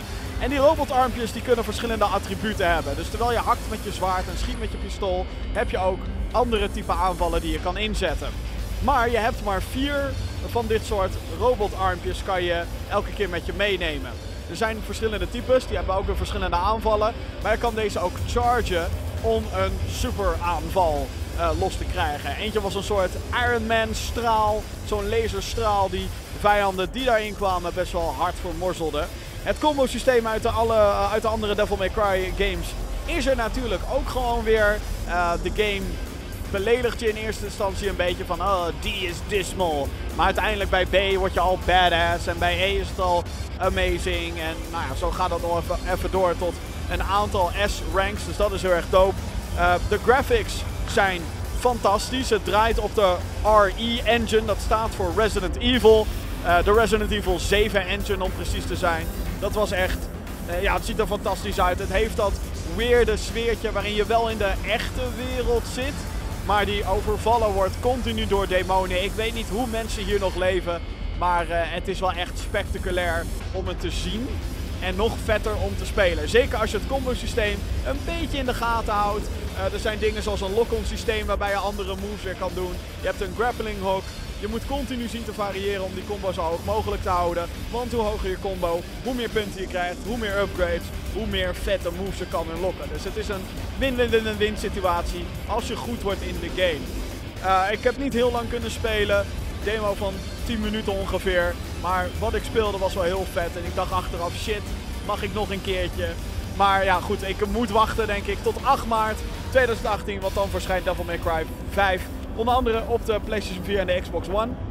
Daarna heb ik een uh, prachtige game gespeeld, Ori and the Will of the Wisps. Dat is een 2D platform game, het vervolg op Ori and the Blind Forest. Die moet ik nog uitspelen. Uh, ik heb pas een paar uurtjes erin zitten op Steam. Maar jongens, echt waar, als je die game nog niet hebt gespeeld, doe dat echt. Want het is een prachtige game. Het is zo ontzettend mooi. Um, het is echt kunst. Het is een van die games die bewijst dat het kunst is. En nou, nogmaals, ik ben niet heel ver gekomen met de eerste game nog. Ik ga dat zeker nog wel doen voordat de sequel verschijnt. Uh, maar het valt mij op dat de eerste game heel erg over het, het plat de platformactie gaat. En het ontdekken van alle gebieden. En deze demo van deel 2, Will of the Wisps, gaat veel meer over de verschillende skills die je kan krijgen. Ori heeft een soort zwaard. Hij heeft een pijl en boog als je begint met de demo. Hij kan zijn health regeneraten. Veel meer uh, vijanden had ik. Of althans, zo leek het. Dus ik had zoiets van, oké, deze Ori kan al veel meer. Dat is cool, dat het in die zin ook echt als een vervolg aanvoelt. Zeg ik natuurlijk als iemand die, die het vorige deel nog niet heeft uitgespeeld. Maar oké, dat is vet, dat is cool, dat is leuk. Uh, en daarna kreeg ik ook een of andere ability waardoor ik door zand heen kon reizen. Dus toen had ik zoiets van, oh ja, dat hele gebeuren met uh, nieuwe gebieden ontdekken, dat zit er nog steeds in. Dus ja, er is hier dik vet applaus op de beursvloer nu. Ik hoop dat dat voor Ori is. Dat zal wel niet. Maar uh, het verdient het wel, die game. Devil May Cry 5 ook overigens. Twee hele toffe games. Ori and the Will of the Wisps komt in 2019 uit voor de PC en de Xbox One. Wanneer? Ik heb geen idee. Zo. En uh, aan alles komt natuurlijk op den duur een eind. Ik uh, ben nu in de parkeergarage van, uh, of nou ja, parkeerterrein eigenlijk van de Koelmessen. Waar uh, het tijd is om afscheid te nemen. Ik ben nu bij de auto. Ik ga even alles inladen. Kijken of ik alles zomaar... Oh. Even al mijn tassen dumpen. Met al mijn powerbankies en, en en andere dingen. Ah, zo. Ja, uh, dat was Gamescom. Wat een aparte editie eigenlijk om nu zo rond te lopen met uh, een microfoontje in plaats van de cameracrew van GamerGeeks erbij. Uh, dat was toch best wel uniek. Om dat op deze manier hopelijk jou een beetje mee te nemen in de sfeer van Gamescom. Maar ik moet natuurlijk nog maar uitvogelen of dit allemaal goed gaat werken. Maar um, ja, laten we hopen dat dit een leuke en informatieve podcast voor je was. Ik heb wel wat ontwikkelaars gesproken. Ik heb wat uh, op mijn hotelkamer opgenomen. Ik heb wat op, mijn, op de beursvloer zelf natuurlijk gedaan. Hopelijk gaat alles goed klinken. En kan ik hier een mooie show uit maken. Dus ja, dan rest mij jou te vertellen om natuurlijk de socials te volgen van GamerGeeks. Twitter.com. Sorry. vermoeid boertje. Twitter.com slash GamerGeeksNL. Uh, Instagram.com slash GamerGeeksNL. Daar zijn we op te vinden. YouTube.com slash GamerGeeksNL. Dat is het YouTube kanaal. Daar maken wij al onze videocontent. Uh, van deze podcast zal ik dus ook een videoversie gaan maken. Ik ga kijken of ik die kan opleuken met beelden. Onder andere een aantal die ik heb opgenomen qua gameplay op de beurs. Um, en anders zijn er natuurlijk altijd nog trailers en dat soort dingen. Maar mij zul je dus uh, waarschijnlijk niet in beeld gaan zien.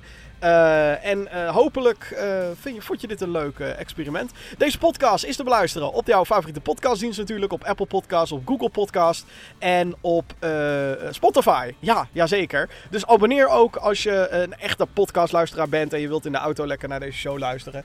volgende week hopelijk weer een nieuwe, iets wat meer reguliere Gamer Geeks podcast die we live gaan streamen en die we... Um, eh, gewoon opnemen met, met ons hoofd op een camerabeeld en dat soort dingen.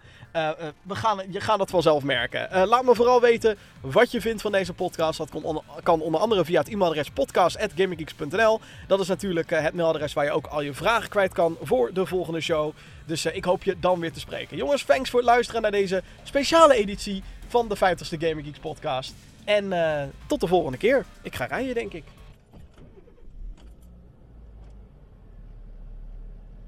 Schade Deutschland, alles ist vorbei. Alles ist vorbei. Alles ist vorbei. Schade Deutschland, alles ist vorbei. Alles is. Die Duitser kijkt me nu heel raar aan. Eh.